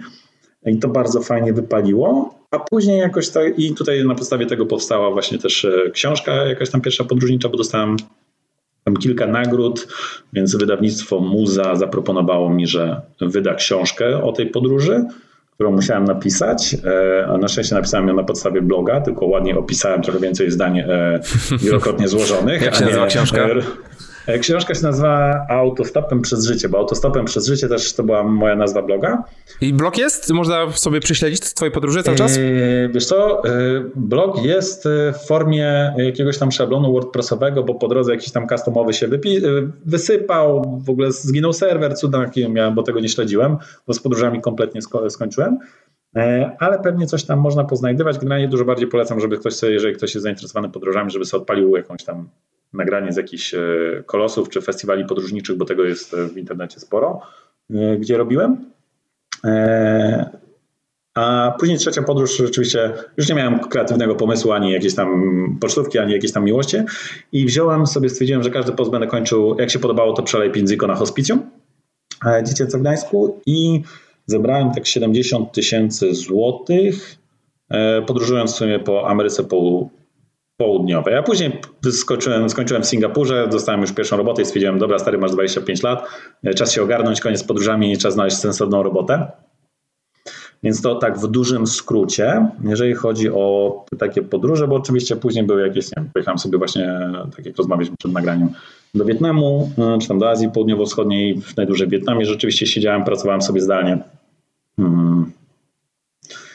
To tyle, jeżeli chodzi o podróże, a takie przygody, to tych przygód to oczywiście było full. Tak full, full. E, najbardziej taka, nazwijmy to, przygodowa była w Laosie, jak e, przez przypadek, albo no dobra, no tak, przez przypadek Źle odpaliłem skuter, walnąłem w bar, no i tam z baru e, poleciało parę, e, parę szklanek. No i afera była taka, że tam szklanek, oni buddyści oczywiście chcieli naciągnąć białe, białego turystę na to, żeby im zapłacił 350 euro, jeżeli dobrze teraz pamiętam, za bodajże 7 szklanek zbitych. No i zabrali mi paszport. E, long story short, zabrali mi paszport, wziąłem, musiałem E, wyciągać jakąś tam kasę. Przy przekazaniu kasy tam była afera, jeden drugiego obraził, spoliczkował, e, wygonili nas z tego baru, zaczęli nas gonić w ogóle z jakimiś tam pałkami, później karabinami i, i było wielkie uciekanie z takiej pipidówy, nie wiem, 500 mieszkańców po nocy. Ale rzeczywiście to był ten etap, gdzie Pierwszy raz ktoś mnie gonił i miał, w, mam nadzieję, że ostatni raz w ręce karabin maszynowy y, AK-47 w Laosie. Y, I oczywiście tak sobie wmawiałem, że nic złego by się nie skończyło, najwyżej by... Yy, no, ja najwyżej by cię zastrzelił. Znaczy nie, no, łomot, bo tam no, można sobie pewnie właśnie gdzieś na jakichś nagraniach tej historii znaleźć. E, pewnie skończyłoby się to jakimś tam powiedzmy łomotem. Później sobie czytałem w internecie, że rzeczywiście tam naciąganie turystów jest no, chleb powszedni w Laosie, w tej akurat miejscowości powiem Lomprabo. Więc e, taka historia, nie wiem, tak znajomi mówią, o, jeszcze jedna taka ciekawsza, to, że o stary, przepłynąłeś Atlantyk na stopa, nie? Ja mówię, no przepłynąłem Atlantyk na stopa i to było trzy tygodnie na łódce, ale to była jedna z nudniejszych historii, bo po prostu siedzieć w jakby na łódce, które ma tam pewnie sumarycznie, ona, ona była spora, bo ona miała tam 12 metrów długości, nie, przepraszam, 18 metrów długości, ona była spora, ale przez trzy tygodnie się nie myć, patrzeć dokładnie na ten sam widok, ta sama pogoda, ci sami ludzie i to samo jedzenie bez kąpieli, to jest po prostu, a nie ma się jeszcze książek, a to były jeszcze czasy, kiedy yy, no, bo to był 2000, 14 rok, więc co mogłem sobie pościągać na telefon, taki starszy model, to sobie pościągałem. Albo oczywiście internetu nie ma. Książek oczywiście na stopa się nie bierze, no bo gdzie ja będę targał przez rok ze sobą książki w plecaku.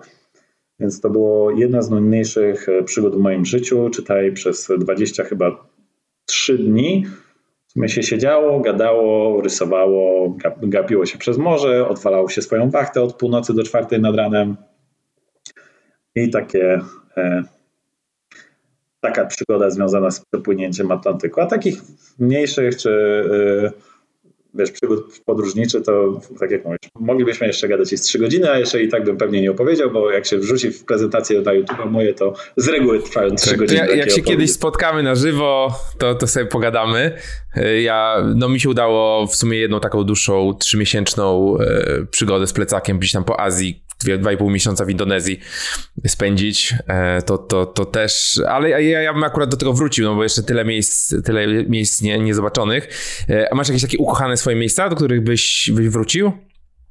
Inaczej, ja sobie wyobrażam to tak, e, że tutaj pociągnę jeszcze to dietli tam pi razy drzwi przez 5 lat i wejdzie ono na zupełnie inny poziom. I wtedy chciałbym sobie pewnie zrobić taki właśnie trochę, może nie gapier, ale parę miesięcy przerwy, gdzie będę mógł sobie powiedzieć, dobra, firma jest w dobrych rękach, nie wywali się przez te, nie wiem, 4-5 miesięcy, nie będę musiał pracować, ale będę mógł sobie pojechać właśnie gdzieś na stopa z nastawieniem, że zwiedzam, e, nie wiem, relaksuję się i odbieram sobie wszystkie urlopy, których nie miałem od 3 lat, czy tam 4 E, bez stresu, że coś tam się zawali, nie? bo to jest rzecz, o której nie powiedzieliśmy, że w startupie nie ma urlopu. O tak, w sensie jest urlop, ale już pomijam to, że psychicznie ciężko się odciąć od firmy, to też e, zawsze coś się wydarzy. A rzeczywiście chciałbym sobie pojechać. Na pewno Wietnam mega spoko jest. W sensie ja jestem zakochany w Wietnamie. E, chciałbym wrócić do Kolumbii, tylko Kolumbia jest nieco droższa na, do życia, czy, czy Kostaryka. Hmm. I z takich fajniejszych miejsc pewnie chciałbym jeszcze posiedzieć dłużej w Chinach i nie, też zależy od budżetu. Jakbym miał z plecakiem, to pewnie, pewnie, pewnie sporo by się znalazło. Jakbym miał tak sobie po prostu pomieszkać, to na pewno chciałbym sobie pomieszkać trochę na Filipinach albo na Bali, albo w Australii, bo z, znajomy właśnie wróci też po, po roku z Australii i zachwala. Jest sporo miejsc takich, gdzie, które chciałoby się zobaczyć, pozwiedzać e, ale tak, żeby gdzieś posiedzieć na dłużej, to na pewno so far Wietnam, Mistrzostwa Świata. Zwłaszcza, no, zwłaszcza południe. W Wietnamie jeszcze nie byłem, to, to na pewno, no, ale na pewno się tam wybiorę, ale powiem Ci, że to jest dobry moment teraz, żeby, e, żeby rozwijać firmę z, z perspektywy tego, co się dzieje na świecie. To nie jest dobry moment na podróżowanie, można sobie zbudować biznes, wszystko się uspokoi, trochę się skeszować. No ja tak miałem właśnie, że dosłownie wróciłem, siedziałem pół roku w Azji i wróciłem 7 marca do, do, e, do Gdańska, gdzie 14 marca był lockdown, więc e, ale miałem to szczęście, że pół roku przed tym lockdownem, przed zabraniem, z, z, zamknięciem podróży, jeszcze sobie popodróżowałem do Azji, więc taki zdrowy zapas podróżowania i ciepłych krajów miałem jakby odhaczony na, na kolejny rok. Teraz już tego brakuje, na przykład po tej zimie to jest tak, że o, w końcu jest plus 13 stopni w Gdańsku i słońce i o 18 jest wciąż jasno, ale e, na pewno jeszcze drugi raz bym sobie tak wyjechał pracować zdalnie i każdemu polecam właśnie, jeżeli pracować zdalnie, to Wietnam, Mistrzostwo Świata z dwóch powodów. Jeden to jest kasa, bo utrzymanie jest bardzo tanie, tam w kosztach mniej więcej za nocleg w hotelu tam czterogwiazdkowym, basen, domek, siłownia, żarcie na mieście to wychodzi mniej więcej około 3000 zł na osobę miesięcznie. A druga rzecz, że turbo spoko przestawienie czasowe. Z rana mój tryb życia tam jak się osiadło gdzieś wyglądał tak, że jedzonko, siłownia, bieganko, zwiedzanko, godzina 15 do komputera i do północy rzeczywiście się pracowało, nie? więc e, pół dnia tak naprawdę na relaks zwiedzanie, a później drugie pół dnia e, na pracę, mistrzowski model i, i zwłaszcza, że internet szybko i Wietnam jest takim trochę państwem nomadów, e, ale polecam każdemu taki model i na pewno jeszcze raz go kiedyś spróbuję, tylko jeszcze nie wiem gdzie i nie wiem kiedy. Zobaczymy. To akurat z tym. Przemek, jakbyś mógł jeszcze na koniec nam polecić jakieś e, materiały, jakieś książki, podcasty, nie wiem, co, co dzisiaj, e, z czego dzisiaj korzystasz, żeby się uczyć, na przykład w kontekście e, rozwoju firmy, albo w kontekście takim tego, co cię interesuje, co, co, co polecasz ogólnie? E, co polecam ogólnie? Ogólnie to e, ja na przykład jestem osobą, która słucha, słucha sporo podcastów, przede wszystkim właśnie e, raczej polskie, typu właśnie Mała Wielka Firma, oczywiście Twój, taki startupowy, czy Zaprojektuj swoje życie, to takie główne, nazwijmy to startupowe. Takie nie startupowe to tak naprawdę jeden, jedyny podcast, który słucham, to jest raport o stanie świata i, to jest coś, co sobie odpalam powiedzmy raz w tygodniu. E, natomiast ja się dużo bardziej, e, i to są rzeczy, które słucham po prostu, nie wiem, biegając albo gdzieś tam jadąc. Natomiast u mnie się na przykład dużo bardziej sprawdzają newslettery. Takie, takie startupowe, bo ostatnio widzę tendencję, że wszyscy czytają Pucka. E, ja już, się, ja już się z Pucka wyleczyłem, bo trochę, trochę za dużo, ale na przykład każdemu, kto jest zainteresowany gdzieś tam stawianiem biznesu, to polecam Haslera albo Lenego newsletter. Jest też płatny, ale, ale naprawdę w kontekście marketplace'ów czy SaaSów to super wartość dodana. Kiedyś był za darmo, teraz jest płatny i, i naprawdę polecam. Jeszcze e, z takich rzeczy, nazwijmy to biznesowych, to Y Combinator, zarówno podcasty, jak i oczywiście treści na nich, na ich e, bazie wiedzy. I, I tyle. To są takie główne, bo oczywiście też nie mam czasu, żeby wszystko czytać, ale tam właśnie dają taką turbopigułkę uporządkowaną, jak chcę sobie znaleźć, nie wiem, e, strategia, czy, czy zarządzanie, czy nie wiem, cele czy jakieś metryki, to pięknie posortowane i wszystko można konkretne artykuły mądrych ludzi, ludzi poznajdować. Aha, takie biznesowe. Okej, okay, super, super. Podlinkujemy e, pod odcinkiem. Gdzie cię można znaleźć w sieci, jakby ktoś chciał jeszcze przegadać jakiś temat albo kupić Dietli na przykład znaczy, za 100 tak milionów tak złotych. E, znaczy, żeby kupić Dietli, e, ja, ja, nikogo nie stać, żeby kupić całe diety. O tak sobie mawiam. Przynajmniej jeszcze nikt nie złożył takiej oferty. No tak. E, nie w Polsce. Ale, nie? Tak, no tylko, że znowu tu wracam do tego, że nasz biznes jest tylko w Polsce, za granicą nieskalowalny, więc niekoniecznie, e, niekoniecznie e, Anderson będzie chciał inwestować, ale, ale jeżeli nas znaleźć, jeżeli chodzi o diety, to nawet jeżeli ktoś się zastanawia nad dietą pudełkową, to najlepiej do nas wejść i sobie zamówić. Jeżeli ktoś chciałby pogadać ze mną, to można mnie znaleźć, tak jak wszystkich, pewnie na LinkedInie i tak będzie najlepiej, bo to jest portal, z którego korzystam w sumie codziennie, już częściej niż z Facebooka, bo, bo są tam po prostu dla mnie dużo ciekawsze treści. E, I w ten sposób pisać albo, albo zdecydowanie tak. tak. Na, na, maila to, na maila to z reguły trzeba spłodzić, a tak złapać, zaczepić na LinkedInie to pewnie najszybciej. Super. Przemek, dziękuję Ci serdecznie za rozmowę. Myślę, że duża, duża wartość dla, dla naszych słuchaczy, szczególnie z perspektywy tych, tych marketplace'ów, bo jest mało wiedzy o marketplace'ach e, w Polsce. Jest, jest mało bo... marketplace'ów, jest to trudne, tak? Można sobie posłuchać Stefana Batorego, e, jak jego walkę w, te, w, te, w, tym kontekście z, z taksówkami i tak dalej. E, no, także, także dzięki, dzięki serdeczne. E, Oby tych marketplace'ów było coraz więcej, coraz więcej ludzi może, mogło rozmawiać o tych marketplace'ach. Ja strzelam, że marketplace'y to jest właśnie to najbliższa przyszłość i, i takich osób, które będą mogły na ten temat rozmawiać, e, to na pewno też będzie coraz więcej. Także budujcie marketplace'y, ale pamiętajcie, żeby, żeby najpierw zbudować coś, SAS, co... Zawsze SAS. SAS, tak. A, tak, a wykupcie kurs Akademia SAS. tak, tak. Zapraszam. E, także Przemek, dzięki serdeczne za rozmowę i do usłyszenia. Dzięki śliczne, do usłyszenia. I to już wszystko w tym odcinku. Mam nadzieję, że materiał Ci się podobał. E, to była długa rozmowa. Myślę, że mogliśmy z Przemkiem jeszcze przegadać godzinę, dwie albo trzy. I myślę, że jeszcze przegadamy gdzieś przy innej, przy innej okazji. E, mam nadzieję, że ten model marketplace'owy i model, w którym budujemy najpierw rozwiązanie typowo abonamentowe, sasowe, a potem dokładamy tą cegiełkę marketplace'ową, będzie dla Ciebie inspirujący. E, szukanie właśnie tego typu połączeń między modelami biznesowymi E, jest ciekawe i jak widać daje, daje rezultaty. E, także jeżeli odcinek Ci podobał, to będzie mi miło, jeżeli podzielisz się nim w swoich mediach. E, na przykład zrób screena, jak, to, jak tego słuchasz albo tego oglądasz i podziel się e, na swoim Instagramie, oznacz boguszpękalski.pl. Bardzo chętnie Cię udostępnię.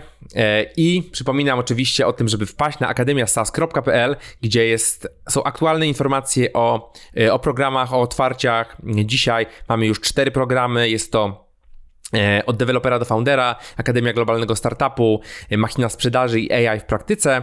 E, nie wiem, kiedy tego słuchasz, może, może mamy już tych programów więcej. Na pewno warto śledzić to, co się dzieje na akademiasas.pl i tam można się też zapisać na dedykowane listy oczekujących na dane programy, więc jeżeli interesuje Cię tylko jeden z tych tematów, zapisz się konkretnie na daną listę, poinformuję Cię o tym, kiedy program startuje. Także to tyle ode mnie. Mam nadzieję, że miło Ci się słuchało. E, jeżeli tak, to koniecznie daj mi znać, będzie mi miło i do usłyszenia w kolejnym odcinku.